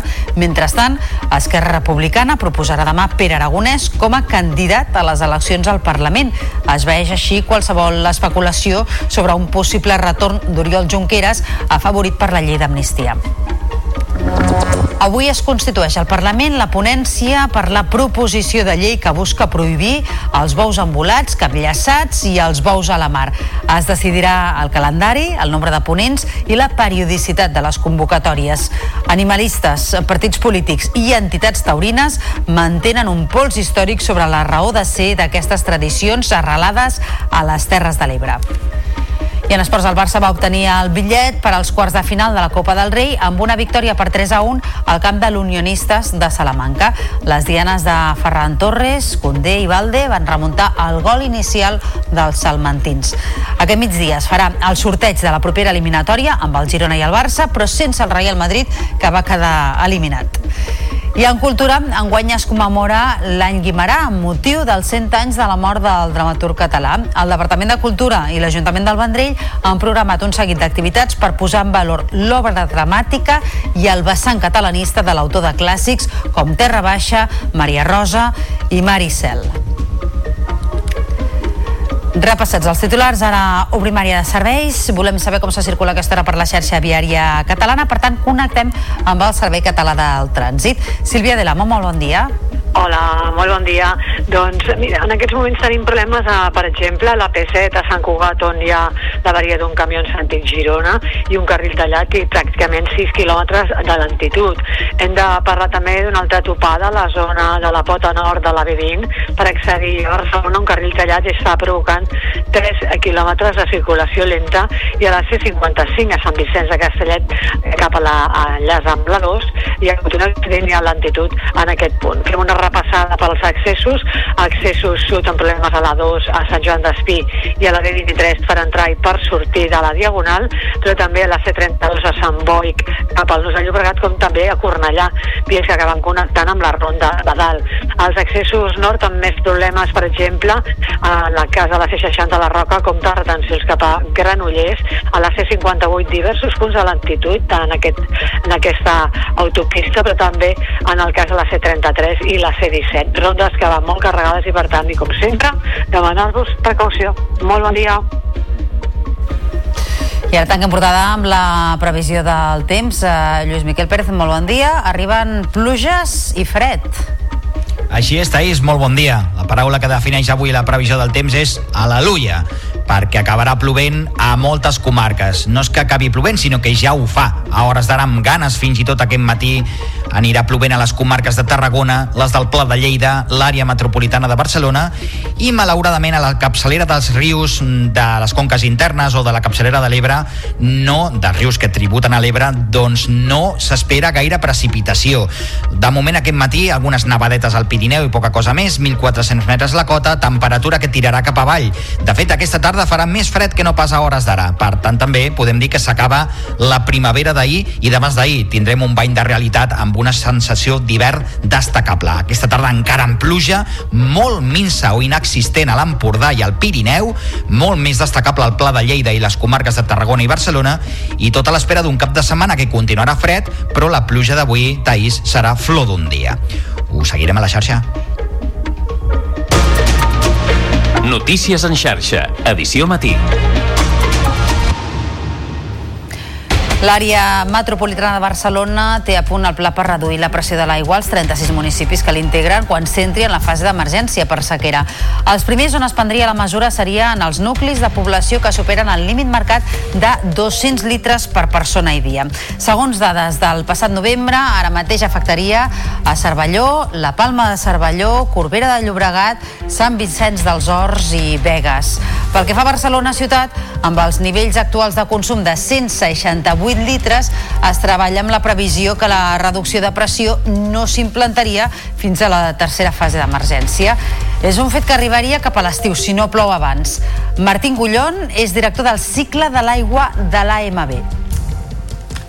no té sentit començar a preocupar-se d'una ciu- d'una ciutat que té 168 quan hi ha altres que estan molt per sobre començarem i, i, amb això anirem fent. Evidentment, a l'escenari d'aquí uns mesos pues no us he dit, si realment d'aquí a l'estiu o sigui, el que és la, les pluges de la primavera no són bones, eh, pues tenim un problema.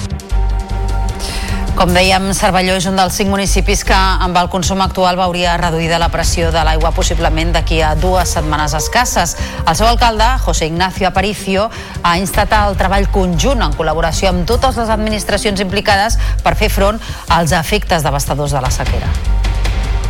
La preocupació no és si un municipi consumeix més o l'altre, el que és com busquem solucions. Eh? I el que es tracta és de buscar solucions conjuntament doncs, amb les ajudes de, de, de l'ACA, en aquest cas, amb la nova licitació que estem treballant amb l'àrea metropolitana perquè els pobles que estem en pròrroga forçosa eh, amb l'empresa que controla l'aigua doncs, puguin fer inversions eh, eh, que són tan necessàries en xarxes que estan molt obsoletes i estan molt, són molt antigues I Girona tancarà les dutxes de les piscines i dels equipaments esportius municipals a partir de la setmana que ve i només es podran utilitzar després dels partits. La mesura, que s'ha adoptat en el marc del comitè de sequera, suposarà que tant els equips d'esports de base com els professionals no puguin dutxar-se després dels entrenaments. En té els detalls la televisió de Girona. A les piscines municipals es tancaran les dutxes i només es deixaran obertes les del costat de la piscina, que serveixen per treure el clor després del bany. Tot i això, les dutxes de la piscina de la Devesa romandran obertes, ja que estan incloses en el pla fred. Per altra banda, des del consistori estan treballant en el procés d'electrificació dels dos pous del Sitjà i han començat les proves per reduir la pressió de l'aigua a la ciutat. Les dutxes de les piscines eh, romandran tancades, només eh, es quedaran obertes les dutxes, diguéssim, de platja, que es diuen tècnicament, que són aquelles que estan al costat, perquè les persones es puguin treure el clor. Es mantindrà obert eh, les dutxes de, la, perdoneu, la piscina de, de la Devesa, les dutxes, perquè, eh, com sabeu, doncs, a la Devesa hi ha eh, tota una sèrie de, doncs, de, bueno, hi ha el projecte del, del, pla, del pla fred que actua contra eh, o per mitigar els efectes del sensellarisme. Quan els equipaments esportius privats des del consistori els volen servir d'exemple i a més els enviaran una sol·licitud perquè s'assumin a la causa adoptant les mateixes mesures. El Departament d'Acció Climàtica reduirà el sotabosc i la massa forestal del massís de les Gavarres davant la pitjor campanya d'incendis mai prevista per la sequera. Es vol preparar així els boscos per facilitar la feina als bombers en cas de foc durant aquest any. Les Gavarres abasten 40.000 hectàrees del Baix Empordà i de la Selva i la meitat estan situades en espais naturals protegits. Són actuacions estratègiques que s'aniran fent per tot Catalunya. Ens ho expliquen els companys de la televisió Costa Brava. Actualment s'estan fent treballs de prevenció d'incendis en aquesta zona del radar del Puig d'Arques gràcies als ajuts que atorga el Departament d'Acció Climàtica a la propietat privada perquè netegin els seus boscos. S'està actuant en una zona de 75 hectàrees amb un cost de 171.000 euros. Es tracta d'un massís de massa forestal contínua molt gran i com que és inevitable treballar a tota la superfície, la idea és actuar en diversos punts estratègics, en concret en un 10% de la superfície total total per tal de protegir la resta de terrenys i facilitar la feina als bombers en cas d'incendi. Es defineixen els plans de, de prevenció prioritaris arreu de tots aquests massissos, eh, concretament aquí a les Gavarres de les 39.000 hectàrees, eh, pràcticament 3.000 estan definides com a llocs eh, estratègics on hem d'actuar i ho fem gràcies a l'actuació que fan els privats, amb els ajuts que reben de la Generalitat.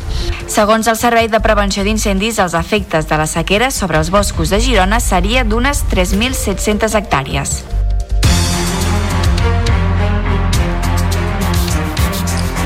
Està previst que la llei d'amnistia sigui debatuda i votada al ple del Congrés dels Diputats del pròxim 30 de gener. La norma ha superat el tràmit de ponència, que ha incorporat al text les vuit esmenes pactades entre el PSOE, Sumar, Esquerra, Bildu i el BNG. Hi han votat a favor tots aquests grups i també Junts, que se n'havia despenjat dimarts passat. El PSOE ha tancat la porta a la resta d'esmenes proposades pels grups, entre les quals hi ha les que van presentar Esquerra i Junts per separat per blindar l'amnistia per als investigats del Tsunami Democràtic i el CDR. El president del PP, Alberto Núñez Feijó, ha esgrimit el darrer informe dels lletrats de la cambra per carregar contra la llei. Y quiero decir también que es especialmente grave que un informe de estas características vaya a ignorarse y que el Congreso, pues, estamos empezando a ver que se parece más al Parlamento en el que las normas de funcionamiento interna se socavaron en favor del independentismo. Y esto no es aceptable. El resultado de la votación ha sido el siguiente. Votos emitidos 344. Sí 312. No 32. En consecuencia, queda aprobada la propuesta de reforma del artículo 49 de la Constitución.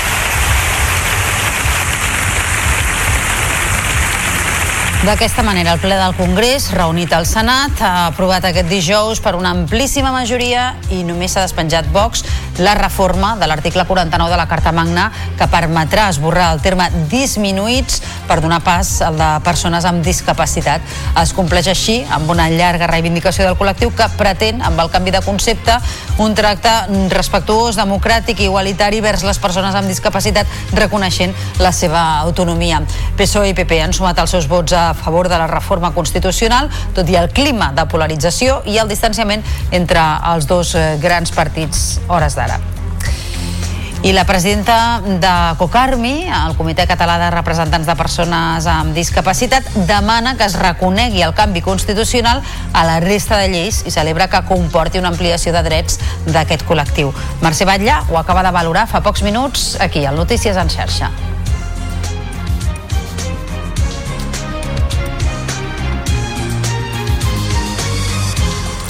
No tenim a punt aquestes declaracions de la presidenta de Cocarmi, les intentarem recuperar més endavant. Seguim amb altres qüestions. Esquerra Republicana de Catalunya proposarà demà el president de la Generalitat, Pere Aragonès, com a candidat a les properes eleccions al Parlament. La mateixa direcció en farà la proposta, que té l'aval del president del partit Oriol Junqueras i la secretària general Marta Rovira. D'aquesta manera, Esquerra talla d'arrel les especulacions d'un possible retorn de Junqueras com a cap de llista gràcies a l'entrada en vigor de la llei d'amnistia.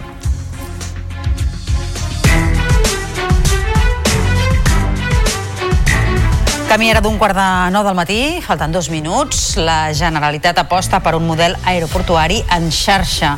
Així ho ha comunicat en la primera reunió bilateral amb l'executiu espanyol i ara s'obre un marge d'un any per definir la governança de les infraestructures i la seva millora. Una de les prioritats és augmentar la capacitat del Prat després que hagi tancat el 2023 fregant els 50 milions de passatgers. Ens ho explica el Luis Rodríguez des del Prat TV. Primera reunió de la comissió tècnica que ha de definir el futur de l'aeroport del Prat una trobada bilateral entre els governs català i espanyol a la Conselleria de Territori que en el termini d'un any ha d'acabar de concretar propostes que passen per la governança i la millora d'aquesta infraestructura, però que per la Generalitat també per tenir en compte el conjunt de la xarxa aeroportuària catalana. Per tant, també introduïm l'element de les connexions ferroviàries en aquest àmbit perquè creiem que hem de tenir aquesta visió de multipista eh, en el país i creiem que és el model que, que existeix eh, a nivell europeu i creiem que és el, el model que ha de funcionar al país. De fet, és una proposta recurrent sobre la qual hi ha un major consens entre les diverses administracions i inclús organitzacions especialitzades en el transport. Respecte a l'ampliació que reclama el lobby empresarial, el govern evitat parlar-ne i ha assenyalat que el futur de la infraestructura del Prat passa per respectar l'entorn natural i agrícola, així com els drets acústics del veïnat de la zona. El següent pas serà la creació dels grups de treball paritaris d'aquests àmbits en les properes setmanes, amb un horitzó de finals d'aquest any. Avui es constitueix al Parlament la ponència que ha de treballar en la proposició de llei per prohibir els bous embolats, capllaçats i els bous a la mar. Aquesta primera sessió ha d'abordar un pla de treball. És una ponència que arrenca ja en polèmica, ja que no convenç ni els grups taurins ni els animalistes pel gran nombre de compareixents que s'ha convocat. Han recollit les opinions des de Canal T, els companys d'aquesta televisió i l'Andreu Prunera. La proposta dels 90 ponents ha generat polèmica entre els grups taurins i els animalistes. Els taurins critiquen que s'han deixat fora més de 60 compareixents i també deixar de banda una gran part de les opinions del territori, mentre que els animalistes acusen els taurins de boicotejar la ponència convocant un nombre desmesurat de persones per allargar els temps i exaurir la legislatura al Parlament. El que es vol fer és una pantomima, és un circ, perquè realment no es vol escoltar el territori ni realment opinions opinions i, i visions que podrien aportar alguna a un debat, no? perquè si des de des de ja l'inici de les compareixences se veten a persones com podria ser una especialista, una psicòloga especialista en infants o un antropòleg, doncs ja es veu que tot això no, no serveix per a res. El que nosaltres no ho trobem lògic, que es puguin presentar, eh, no sé si són 25 o 26 alcaldes, algun exalcalde, algun regidor, que no sé el que aportaran. Jo crec que això és una cosa, una fal·làcia que fan per, per, perquè s'allargui el tempus i que no es pugui arribar a votar. Hores d'ara, una de les grans incògnites en quins ponents podran intervenir de forma presencial i quins ho faran per escrit. A pocs dies del tancament del restaurant que hi ha a la Mola, del, del massís de Sant Llorenç del Munt i l'Ubac, la Diputació i l'Ajuntament de Matadepera van presentar ahir el pla de futur que confirma el final de la concessió del local. Afirmen que aquest servei ha passat per sobre de l'educació ambiental i de la protecció de l'espai natural i del monestir i que això ha provocat la degradació dels dos àmbits. Ens ho expliquen des de Canal Terrassa. Segons les xifres de la Diputació, el restaurant serveix 23.000 àpats i produeix 80 tones de residus l'any. Per això ara es proposa una aturada, repensar i calcular un model que sigui sostenible. Perquè la meva tasca és preservar aquests espais naturals i perquè la meva tasca també és combinar les diferents activitats que s'hi duen a terme. Evidentment, estem parlant de buscar un espai de restauració, un model de restauració que sigui sostenible. Per intentar-ho hem de veure si és o no és possible. El 23 de gener el restaurant i els seus magatzems estaran tancats, però la resta d'espais estaran oberts. El mirador, l'església, el pati i els lavabos. La Diputació ha contractat persones per fer d'informadores, vigilants i tasques de manteniment i neteja. Es comencen les obres de la sala d'exposicions per obrir-la abans de l'estiu. Fins i tot es plantegen visites guiades amb cita prèvia durant el tercer trimestre de l'any. La gestora del restaurant de la Mola, Gemma Gimferrer, ha lamentat el tancament de l'establiment per la finalització de la concessió i ha qualificat el restaurant d'icona de la comarca. Ho ha dit fa pocs minuts aquí, al Notícies en xarxa. Estan tancant un restaurant de més de 80 anys d'història. Nosaltres en portem 56 però quan vam arribar nosaltres ja hi havia els senyors Ross que ja portaven 25 anys en l'establiment. Vull dir que és una, és una icona del Vallès Occidental que, que se'n va, que la tanquen aquesta setmana s'està duent a terme a Barcelona una campanya de control de la Guàrdia Urbana als patinets elèctrics. L'objectiu és garantir la seguretat viària, localitzar les conductes de risc i disminuir la sinistralitat. Les infraccions, això sí, han baixat respecte a l'any passat. Ens ho expliquen els companys de BTV. És la primera campanya de control de patinets que fa aquest 2024 la Guàrdia Urbana, que de seguida s'estrena amb consells i sancions. Amb les dades recollides l'any passat, les denúncies a aquests vehicles van baixar un 25%. Se'n van posar 16.000. Un descens que atribueixen a més coneixement de les normes de circulació per part dels conductors. Hem fet més campanyes aquest any respecte al 2022 i tot i així hem denunciat menys fets de vulneració de normatives considerem que s'entén més la normativa i es compleix més que es complia el 2022. La infracció que més denúncies acumula és conduir per llocs que no corresponen, majoritàriament per la vorera. En canvi, només hi ha hagut 29 denúncies per excés de velocitat i gairebé 300 per no dur casc. L'any 2023 es va tancar amb 20 víctimes mortals en accidents de trànsit a Barcelona i dues d'aquestes van ser conductors de patinets. Des de l'1 de febrer de l'any passat, a més, aquests transports no poden accedir al transport públic i això ha fet que molts usuaris que combinaven tren i metro amb el patinet per desplaçar-se per Barcelona ja no puguin fer-ho. Avui comença la Fira de l'Oli de les Borges Blanques, que per primera vegada s'ha obert a tots els productors de Catalunya. N'hi participaran 39 i serà la 27a edició d'una trobada d'un sector que està patint directament els efectes de la inflació en els preus. El certamen vol ser una altaveu per fer escoltar les problemàtiques del territori, ja sigui la falta d'aigua o el despoblament dels municipis rurals. La Fira de l'Oli durarà fins diumenge i es facilitarà el contacte entre productors i comerciants i s'hi podran tastar tastar olis de diferents varietats.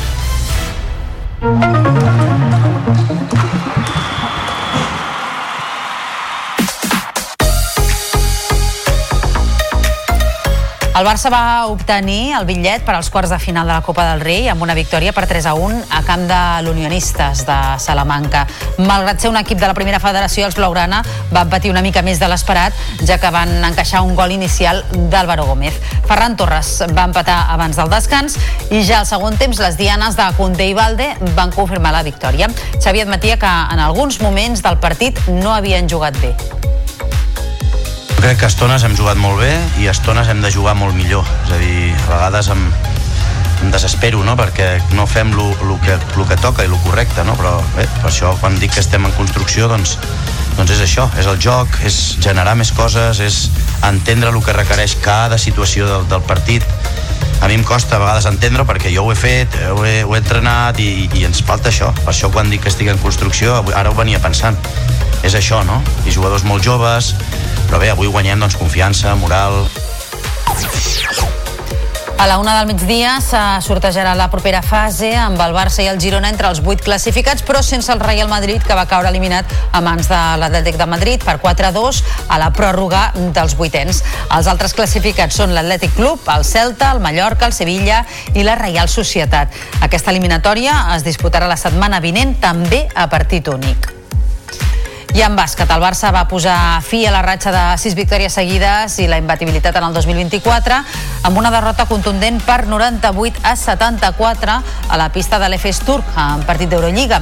Els blaugrana van pagar cars els mals percentatges de tir i sobretot la seva inconsistència defensiva després de la mitja part. I d'altra banda, a l'Eurocup femenina, el Galatasaray serà el rival de l'Espar Girona en els quarts de final. Després d'eliminar el Cadí seu als vuitens, l'Uni buscarà el pas a les semifinals davant el conjunt turc amb l'anada el dia 22 de febrer a Fontejau i la tornada el 29 a Istanbul.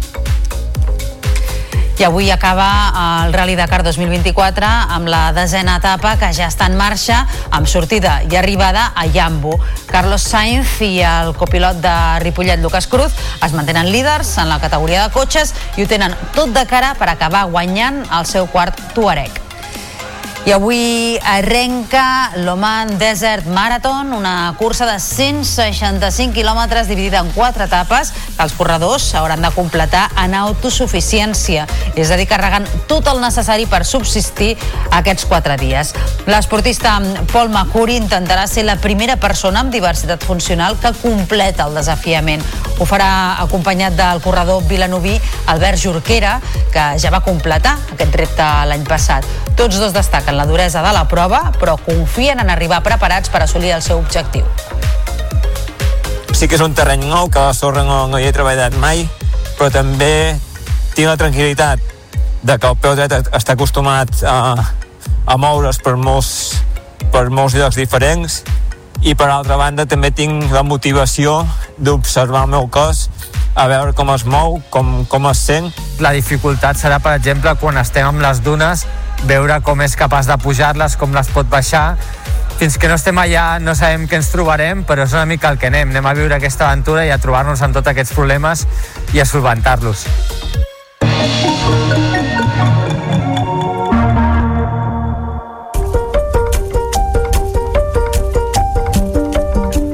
Enguany es commemoren els 100 anys de la mort del dramaturg Àngel Guimarà. Per recordar aquesta efemèride, el Departament de Cultura i l'Ajuntament del Vendrell han preparat l'any Guimarà.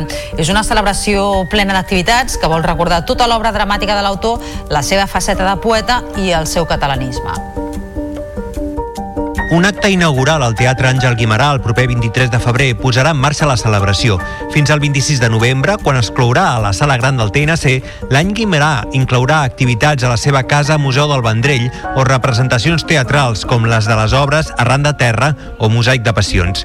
La directora de la Institució de les Lletres Catalanes, Izaskun Arretxe, ha dit que es vol donar a conèixer més sobre Àngel Guimarà. Donar a conèixer el Guimarà dramaturg en tota la seva amplitud, és a dir, no només aquelles quatre obres de teatre que sempre tothom coneix i representa. Maricel, La filla del mar, Maria Rosa i Terra Baixa. D'altra banda, reivindicar-lo com a poeta. Va ser un poeta notable, va ser un poeta molt important en la seva època i volem mm, fer una lectura de la poesia de Guimarà des de, des de l'ara i l'avui.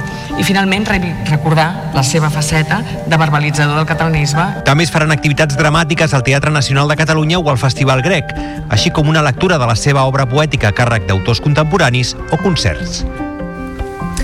Torna el Jazz a prop, el cicle de jazz als districtes previ al Gran Festival de Jazz de Terrassa. Seran sis concerts d'una gran varietat de sons dins el món del jazz amb músics de Terrassa i destacada presència femenina. Es faran cada cap de setmana fins al 2 de març. Les sessions musicals gratuïtes es podran escoltar divendres i dissabte a diferents centres cívics de la ciutat. I no deixem Terrassa i el jazz perquè la nova Jazz que va celebrarà amb tres concerts molt especials 30 anys de música al cor de la ciutat. És una història que va arrencar el 26 de febrer de 1994 amb un concert inaugural on va participar qui ara dona nom al passatge on es troba la sala, el pianista Tete Montoliu. Els concerts de celebració dels 30 anys de la nova Jascava es faran del 23 al 25 de febrer i serviran també de pròleg a un 43è Festival de Jazz Terrassa que arrencarà just el divendres següent, l'1 de març. Des de la nova Jascava, la seva coordinadora, Susana Carmona, valora així aquests 30 anys és pràcticament un miracle que aconseguir fer més de 5.000 concerts amb aquests 30 anys, eh, cada setmana durant 10 mesos l'any, amb una temporada regular de club, amb un festival com a seu central, és, és una fita molt important i més tenint en compte que s'organitza des d'una associació cultural, d'un club com és el Club de Jazz d'Amics de les Arts i Joventuts Musicals, vol dir que nosaltres estem supercontents.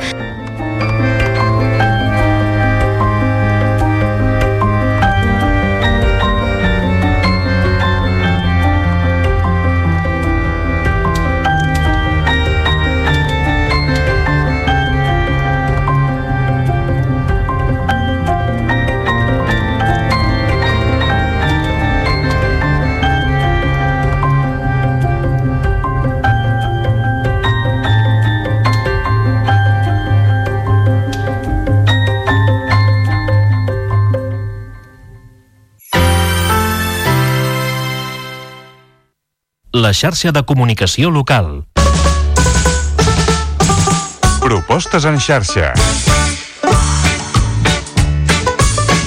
Segur que entre la llista de desitjos i propòsits que deveu tenir entre mans hi apareix d'una o altra manera la música. Escoltar-ne més, aprendre a tocar un instrument, anar a més concerts... Si aquesta última la teniu anotada, us ho poso ben fàcil. Esculls la paraula que et porti al moviment des de finals de novembre està en marxa la desena edició del Festival Neu. Sembla que us posi la mena als llavis quan ja està tot dat i beneït, però no patiu que encara queden propostes. De fet, s'estiren fins a finals de gener, tant a Girona com a Sal. Hi ha plats grossos com Tom Hagen o el clàssic Ultra Show de Miguel Noguera. El 20 de gener la Mirona acull la gran nit del neu, amb les actuacions de Mujeres, Núria Graham, Carmen 113, Ioners, Ciutat i Jordi Serradell. El dia 26 segona edició del Neu Pro, l'espai de trobada per a la indústria musical i els creadors amb ponències, taules rodones, showcases i retransmissions de podcast en directe. El mateix dia, a l'Auditori de Girona, Masoni s'acomiada del públic amb temps mort abans de fer una aturada indefinida. I de cara a la clubenda, el dia 28, una matinal familiar i actuacions diverses com les de l'orquestra Fireluche, l'espectacle absurd de Circ Vermut i Joan Colomo. Fins al 28 de gener podeu gaudir de la desena edició del Festival Neu a Girona i a Salt. En trobareu tots els detalls al web neuhome.org.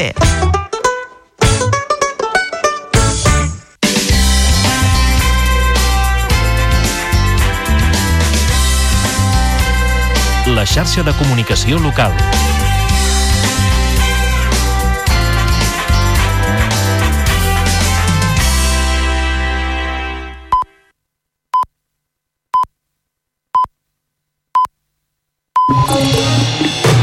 Notícies en xarxa, edició matí. Amb Taís Trujillo. Dia, són dos quarts de nou del matí i avui al Notícies en xarxa us estem explicant el pla que té a punt l'àrea metropolitana de Barcelona per reduir la pressió de l'aigua als 36 municipis que l'integren quan s'entri en la fase d'emergència per sequera. És una situació que podria arribar en unes dues setmanes i amb els darrers nivells de consum no afectaria d'entrada a la ciutat de Barcelona. Ara mateix són 5 els municipis que superen els 200 litres per persona i dia. Són Cervelló, la Palma de Cervelló, Corbera de Llobregat, Sant Vicenç dels Horts i Vegas. A tot això, Girona ha decidit tancar a partir de la setmana que ve les dutxes de les piscines i els equipaments esportius municipals.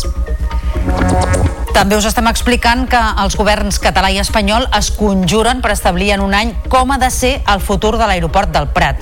Això implicaria definir el model de governança, la possible ampliació, les connexions ferroviàries i el respecte ambiental a l'entorn del Delta del Llobregat. De seguida recollirem valoracions perquè en parlarem amb Lluís Mijoler, que és l'alcalde del Prat de Llobregat i de la plana política. Hem destacat que la llei d'amnistia es podria debatre i votar al ple del Congrés del pròxim 30 de gener. Junts ha votat finalment a favor de les esmenes pactades entre el PSOE i els partits de la investidura. I mentrestant, Esquerra Republicana proposarà demà Pere Aragonès com a candidat a les eleccions al Parlament. Es veig així qualsevol especulació sobre un possible retorn d'Oriol Junqueras afavorit per la llei d'amnistia. I també us estem explicant que avui es constitueix al Parlament la ponència per la proposició de llei que busca prohibir els bous embolats, capllaçats i els bous a la mar. Es decidirà el calendari, el nombre de ponents i la periodicitat de les convocatòries. Animalistes, partits polítics i entitats taurines mantenen un pols històric sobre la raó de ser d'aquestes tradicions arrelades a les Terres de l'Ebre. I d'aquí a uns minuts anirem fins a les preses, a la comarca de la Garrotxa, amb els companys eh, d'Olot TV. I és que aquesta comarca continua fent passos per gestionar més eficaçment la mobilitat turística i l'impacte que hi té als seus espais naturals. Per això, el Consell Comarcal ha inaugurat una àrea de recepció de visitants a les preses. I en esports, el Barça va obtenir el bitllet per als quarts de final de la Copa del Rei amb una victòria per 3 a 1 al camp de l'Unionistes de Salamanca. Les dianes de Ferran Torres, Condé i Valde van remuntar el gol inicial dels salmantins. Aquest migdia es farà el sorteig de la propera eliminatòria amb el Girona i el Barça, però sense el Real Madrid, que va quedar eliminat.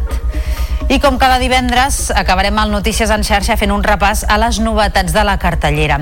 Avui arriba a les sales La zona d'interès, un viatge a la vida familiar del nazi Rudolf Hoss, que va guanyar el Gran Premi del Jurat a Canes.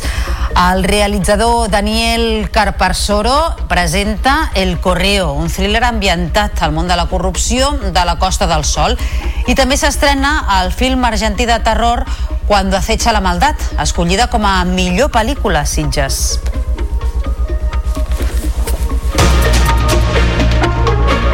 Notícies en xarxa, edició matí. L'àrea metropolitana de Barcelona té a punt el pla per reduir la pressió de l'aigua als 36 municipis que l'integren quan s'entri en la fase d'emergència per sequera. Els primers on es prendrien la mesura seria en els nuclis de població que superen el límit marcat de 200 litres per persona i dia. Segons dades del passat novembre, ara mateix afectaria a Cervelló, la Palma de Cervelló, Corbera de Llobregat, Sant Vicenç dels Horts i Vegas. Pel que fa a Barcelona ciutat, amb els nivells actuals de consum de 168 litres, es treballa amb la previsió que la reducció de pressió no s'implantaria fins a la tercera fase d'emergència. És un fet que arribaria cap a l'estiu si no plou abans. Martín Gullón és director del cicle de l'aigua de l'AMB no té sentit començar a preocupar-se d'una ciutat que té 168 quan hi ha altres que estan molt per sobre començarem i, i amb això anirem fent. Evidentment, a l'escenari d'aquí uns mesos, pues no ho sé dir, si realment d'aquí a l'estiu, o sigui, el que és la, les pluies de la primavera no són bones, eh, pues tenim un problema.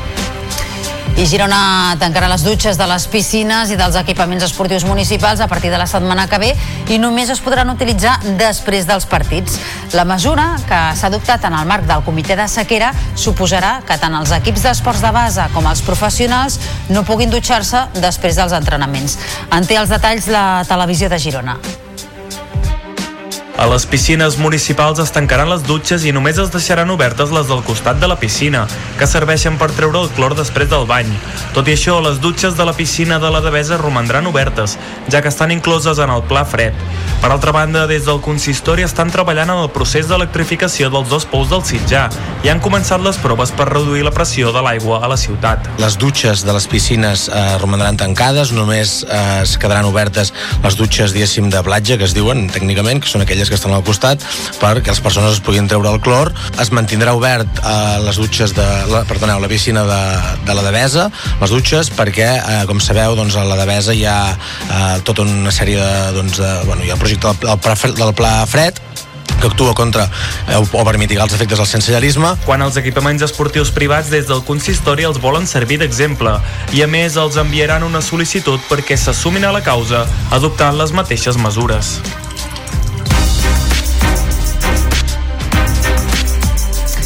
Està previst que la llei d'amnistia sigui debatuda i votada al ple del Congrés dels Diputats el pròxim 30 de gener. La norma ha superat el tràmit de ponència que ha incorporat al text les vuit esmenes pactades entre PSOE, Sumar, Esquerra, Bildu i el BNG. Hi han votat a favor tots aquests grups i també Junts, que se n'havia despenjat dimarts passat. El PSOE ha tancat la porta a la resta d'esmenes proposades pels grups, entre les quals hi ha les que van presentar Esquerra Republicana i Junts per separat per blindar l'amnistia per als investigats del Tsunami Democràtic i el CDR.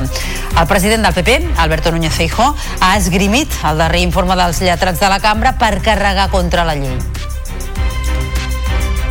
Y quiero decir también que es especialmente grave que un informe de estas características vaya a ignorarse y que el Congreso, pues, estamos empezando a ver que se parece más al Parlamento en el que las normas de funcionamiento interna se socavaron en favor del independentismo. Y esto no es aceptable. El resultado de la votación ha sido el siguiente. Votos emitidos 344, sí 312, no 32. En consecuencia, queda aprobada la propuesta de reforma del artículo 49 de la Constitución.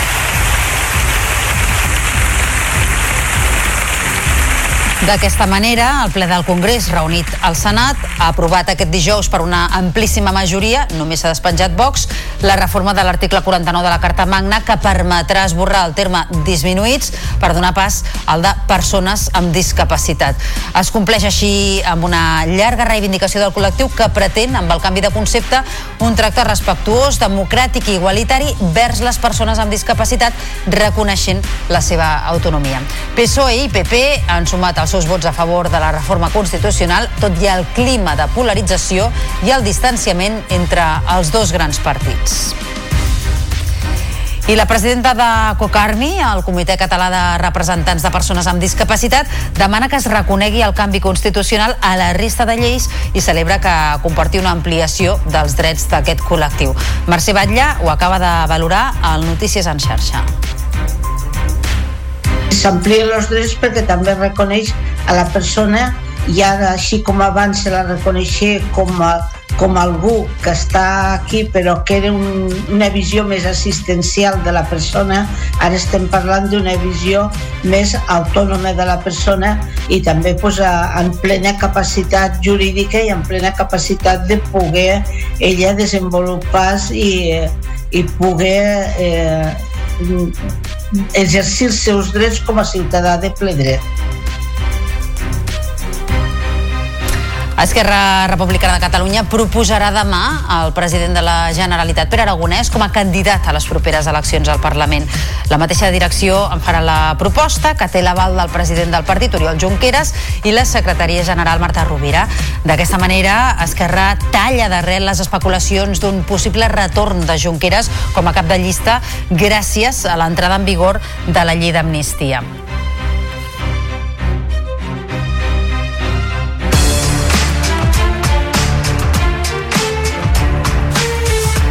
La Garrotxa continua fent passos per gestionar més eficaçment la mobilitat turística i l'impacte que hi té als seus espais naturals.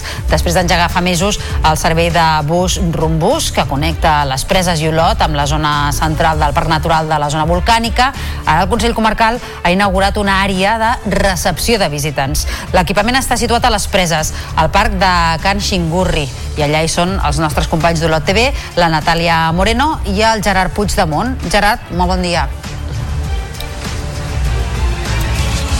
Bon dia, doncs. Estem aquí a l'àrea de recepció de visitants de les preses, aquesta àrea que, com veuen aquí al darrere, hi ha una zona de pícnic, hi han habilitats més o menys unes 70 places d'aparcament eh, per a vehicles i també per a bicicletes, fins i tot hi ha servei de lavabo i de gasolinera. Aquí és una de les primeres parades, podríem dir la primera del Rumbus, que és aquest bus que es posa en funcionament els dies festius, els caps de setmana i també durant l'estiu, eh, de cares als visitants, per tal de no col·lapsar eh, la zona central del Parc Natural de la zona volcànica de la Garrotxa. Aquí s'hi han fet millores i l'objectiu és que més gent aparqui aquí. Estem amb el conseller de Mobilitat, en aquest cas el Consell Comarcal de la Garrotxa, amb en Jordi Güell. Jordi, bon dia. Hola, molt bon dia. Explica'ns una mica què és el que s'hi ha fet aquí i què és el que es pretén. No, doncs aquí s'ha habilitat una antiga zona d'aparcament del polígon industrial d'aquí de les Preses, que era un espai, diguem bàsicament on hi aparcaven diguem camions i també treballadors del polígon, i el que s'ha fet ha estat adequar-lo precisament per com una zona on la gent pot deixar el seu vehicle vinguent des del túnel de Barcons des de, que és des d'on ens ve la majoria de gent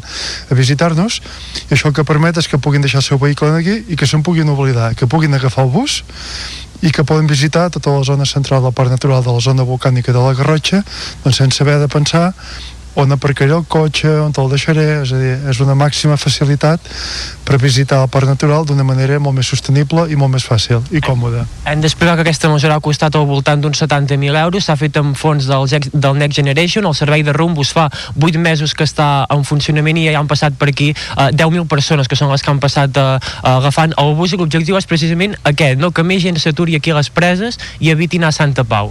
Sí, el que ens està passant és que realment el bus està funcionant molt bé des d'un punt de vista de la gent que l'està agafant, però és veritat que a la gent la capturem, no, la majoria no la capturem. Aquí a les preses, que és el, el primer punt on el podrien agafar, sinó que la gent intenta anar més a prop del parc natural, es troben que no hi ha aparcament, finalment arriben a Santa Pau i després agafen el bus. No, doncs, per tant, es tractaria que l'agafessin directament aquí i s'estalviarien, diguem molts de mals de caps.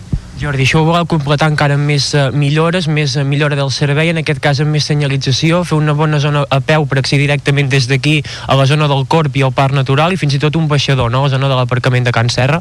Sí, de fet aquest és, és la primera, una de les primeres actuacions que, que s'han fet, no? però el projecte eh, és un projecte a llarg termini i la idea és que es vagi eh, complementant amb més serveis no? eh, en el sentit que tu puguis tenir més punts on agafar el bus eh, potenciar aquest amb millor senyalització és a dir, que hi hagi més hàbit de deixar el cotxe aquí i de fet el projecte anirà creixent també a mesura que, que hi hagi més facilitats diguem-ne per accedir a altres maneres de poder eh, fruir de la visita al parc. És a dir, que puguis fer-ho a peu o en bicicleta. De fet, aquí, en aquesta zona de recepció de visitants, ja hi ha una zona, de, una zona habilitada per aparcar-hi bicicletes.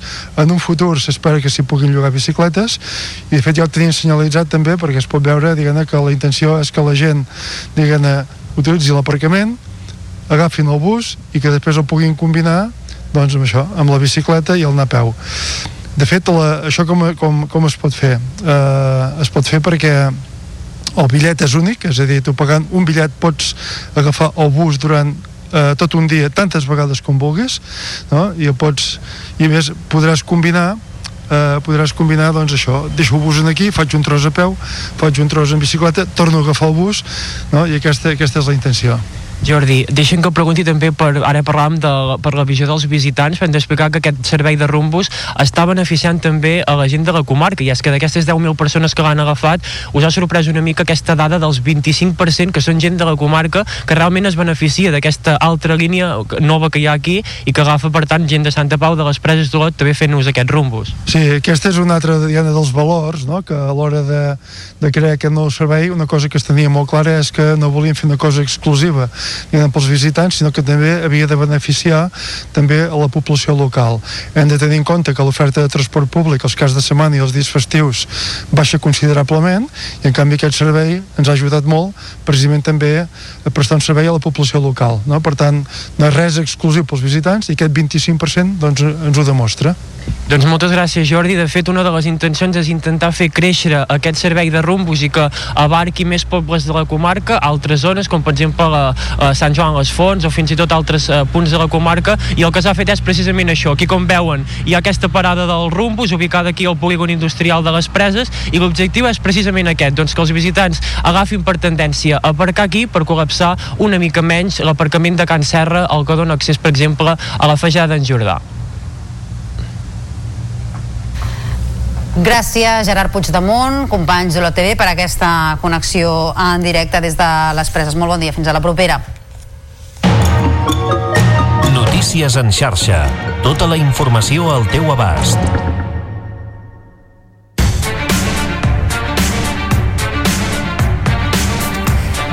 Avui es constitueix al Parlament la ponència que ha de treballar en la proposició de llei per prohibir els bous embolats, capllaçats i els bous a la mar. Aquesta primera sessió ha d'abordar un pla de treball, una ponència que arrenca ja en polèmica, ja que no convenç ni els grups taurins ni els animalistes pel gran nombre de compareixents que s'han convocat. Ha recollit les opinions l'Andreu Prunera des de Canal T. La proposta dels 90 ponents ha generat polèmica entre els grups taurins i els animalistes. Els taurins critiquen que s'han deixat fora més de 60 compareixents i també deixar de banda una gran part de les opinions del territori, mentre que els animalistes acusen els taurins de boicotejar la ponència convocant un nombre desmesurat de persones per allargar els temps i exaurir la legislatura al Parlament. El que es vol fer és una pantomima, és un circ, perquè realment no es vol escoltar el territori realment opinions opinions i, i visions que podrien aportar alguna a un debat, no? perquè si des de des de ja l'inici de les compareixences se veten a persones com podria ser una especialista, una psicòloga especialista en infants o un antropòleg, doncs ja es veu que tot això no, no serveix per a res. El que nosaltres no ho trobem lògic, que es puguin presentar, eh, no sé si són 25 o 26 alcaldes, algun exalcalde, algun regidor, que no sé el que aportaran. Jo crec que això és una cosa, una fal·làcia que fan per, per, perquè s'allargui el tempus i que no es pugui arribar a votar. hores d'ara, una de les grans incògnites en quins ponents podran intervenir de forma presencial i quins ho faran per escrit. La Generalitat aposta per un model aeroportuari en xarxa, així ho ha comunicat en la primera reunió bilateral amb l'executiu espanyol i ara s'obre un marge d'un any per definir la governança de les infraestructures i la seva millora. Una de les prioritats és augmentar la capacitat del Prat després que hagi tancat el 2023 fregant els 50 milions de passatgers. Sobre el futur del principal aeroport de Catalunya en volem parlar ara amb Lluís Mijoler, que és l'alcalde del Prat de Llobregat. Senyor Mijoler, molt bon dia. Bon dia.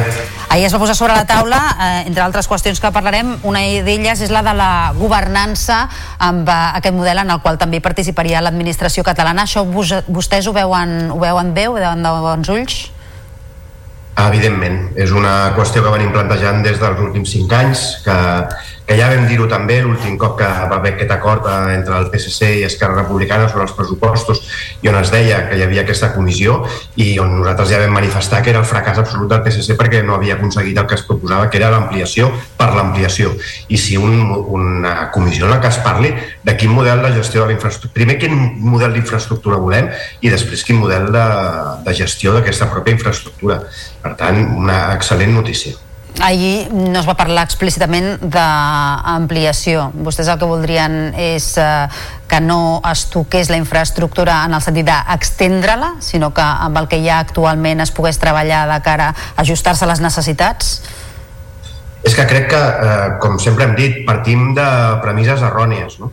Primer hem de veure si cal que creixi l'aeroport del Prat en número d'operacions. Aquesta és la primera que hem de veure. I per saber això, primer hem de saber quines infraestructures tenim al país i quina interconnexió hi ha entre elles. Però el que no pot ser és que hagi hagut un decreixement exponencial dels aeroports de Vilobí i de Reus, eh, i en canvi segueixi augmentant el número d'operacions a l'aeroport del Prat no?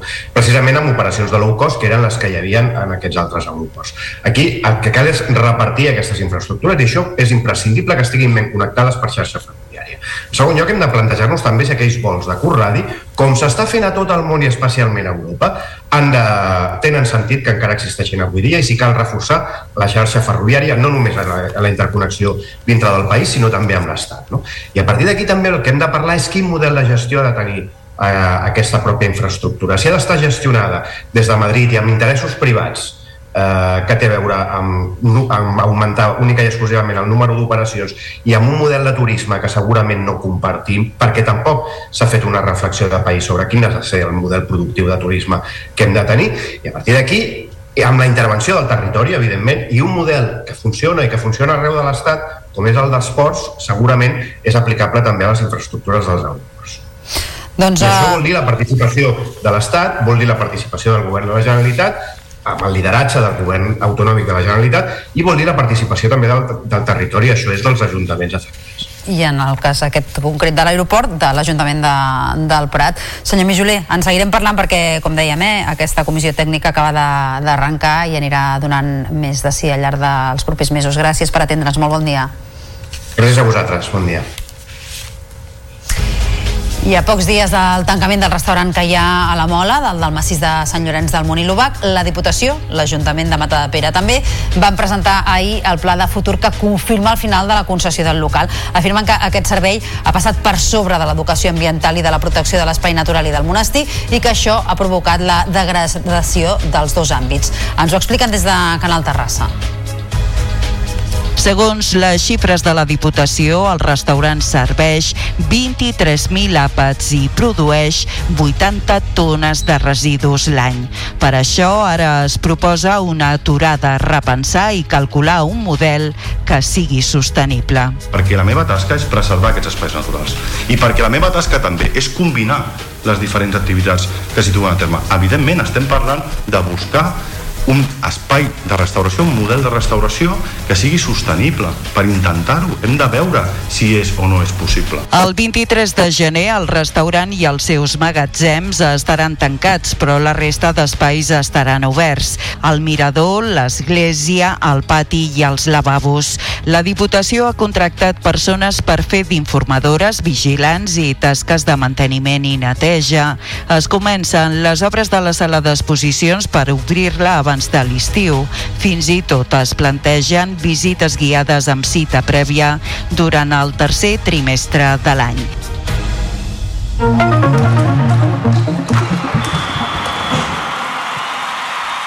I ara els esports. Marta, bon dia. El Barça ja té el bitllet per als quarts de final de la Copa del Rei. Va superar l'Unionistes de Salamanca per 3 a 1, malgrat ser un equip de la primera federació, però els blaugrana van acabar patint una mica més de l'esperat, ja que van haver de capgirar el gol inicial de l'equip salmantí marcat per Álvaro Gómez. El, abans del descans va ser Ferran Torres qui va igualar el marcador i ja a la represa Condé i Valde van confirmar la victòria blaugrana. Xavi Pro admetia després que en alguns trams no havien jugat bé. Crec que a estones hem jugat molt bé i a estones hem de jugar molt millor. És a dir, a vegades em, em desespero, no?, perquè no fem el que, lo que toca i el correcte, no? Però bé, per això quan dic que estem en construcció, doncs, doncs és això, és el joc, és generar més coses, és entendre el que requereix cada situació del, del partit. A mi em costa a vegades entendre perquè jo ho he fet, ho he, ho he entrenat i, i ens falta això. Per això quan dic que estic en construcció, ara ho venia pensant. És això, no? I jugadors molt joves, però bé, avui guanyem doncs, confiança, moral... A la una del migdia se sortejarà la propera fase amb el Barça i el Girona entre els vuit classificats, però sense el Real Madrid, que va caure eliminat a mans de l'Atlètic de Madrid per 4 a 2 a la pròrroga dels vuitens. Els altres classificats són l'Atlètic Club, el Celta, el Mallorca, el Sevilla i la Reial Societat. Aquesta eliminatòria es disputarà la setmana vinent, també a partit únic. En bascat, el Barça va posar fi a la ratxa de sis victòries seguides i la imbatibilitat en el 2024 amb una derrota contundent per 98 a 74 a la pista de l'Efes Turc en partit d'Eurolliga. D'altra banda, a l'Eurocup femenina, el Galatasaray serà el rival de l'Espar Girona en els quarts de final. Després d'eliminar el Cadillaceu als vuitens, l'Uni buscarà el pas a les semifinals davant el conjunt turc amb l'anada el dia 22 de febrer a Fontejau i la tornada el 29 a Istanbul. I avui arrenca l'Oman Desert Marathon, una cursa de 165 quilòmetres dividida en quatre etapes que els corredors hauran de completar en autosuficiència, és a dir, carregant tot el necessari per subsistir aquests quatre dies. L'esportista Paul Macuri intentarà ser la primera persona amb diversitat funcional que completa aquest desafiament. Ho farà acompanyat del corredor vilanoví Albert Jorquera, que ja va completar aquest repte eh, l'any passat. Tots dos confien en arribar preparats per assolir el seu objectiu doncs una història de superació que haurem de seguir de ben a prop. I tant que sí, gràcies Marta. Adéu. I nosaltres, com cada divendres, acabem amb les estrenes de cinema. Que vagi molt bé, fins dilluns.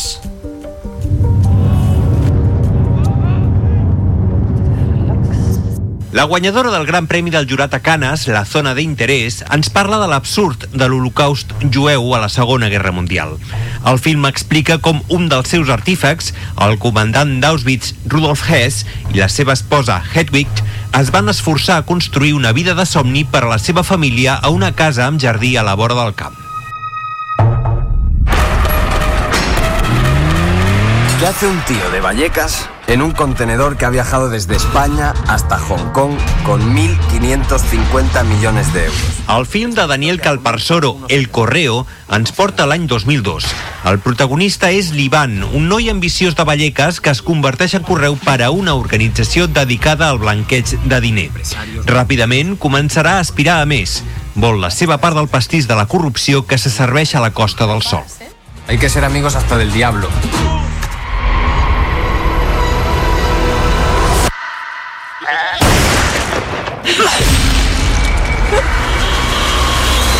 Cuando acecha la maldad, millor pel·lícula a Sitges, ens explica com, a un llogarret remot de l'Argentina, dos germans descobreixen un home infectat per forces malignes que està a punt de donar a llum un dimoni. Desesperats per evitar l'entrada del mal al seu pacífic món, els germans toparan amb la terrible veritat. És massa tard. Los tiempos de la fe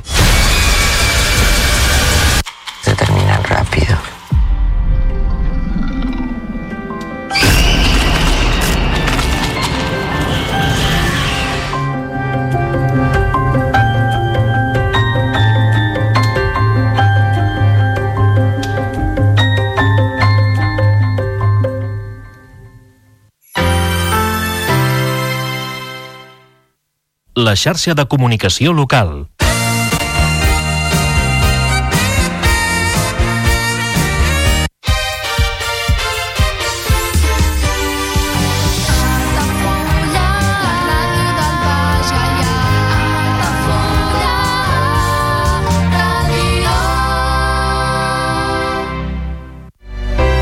Comunions 2024. Dates ja disponibles amb sales privades, jardí, pàrquing privat i la millor gastronomia. Més informació i reserves al 977 65 11 55 i a comercial arroba altafullamarotel.com o al web altafullamarotel.com. Les teves celebracions familiars a l'Altafulla Mar Hotel. Ja coneixes les propostes que t'ofereix el Club Marítim Altafulla? Vine i descobreix totes les nostres activitats. Sortides en caiac o pa del surf, cursos de vela per a totes les edats. No t'ho perdis. Club Marítim Altafulla. Obert tot l'any i per a tothom. Carrer Major, el programa de les emissores del Camp de Tarragona. Cada dia de 4 a 6 de la tarda, el que passa al Camp de Tarragona t'ho expliquem amb la major redacció d'un programa de territori quilòmetre zero. Periodisme de proximitat, continguts de qualitat, amb Anna Plaza i Toni Mateos. Carrer Major. Al meu país la pluja no sap ploure. Canvi climàtic asseca els rius, posa en risc l'abastament d'aigua i la producció d'aliments. Treballem per fer front a la sequera i garantir l'aigua, però cal l'esforç de tothom. Cada gota compte. La pluja no la controles, l'aixeta sí. Generalitat de Catalunya, sempre endavant.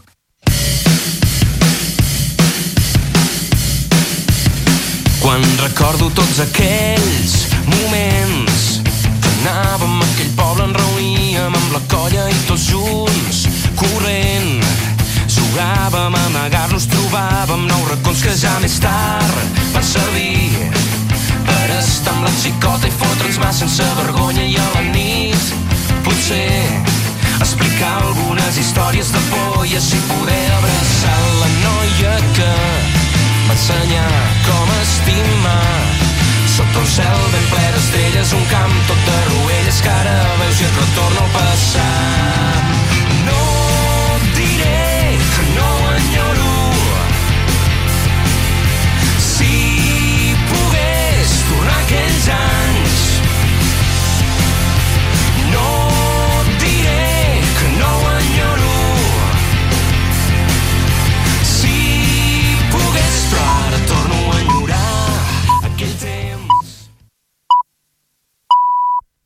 Són les 9 del matí.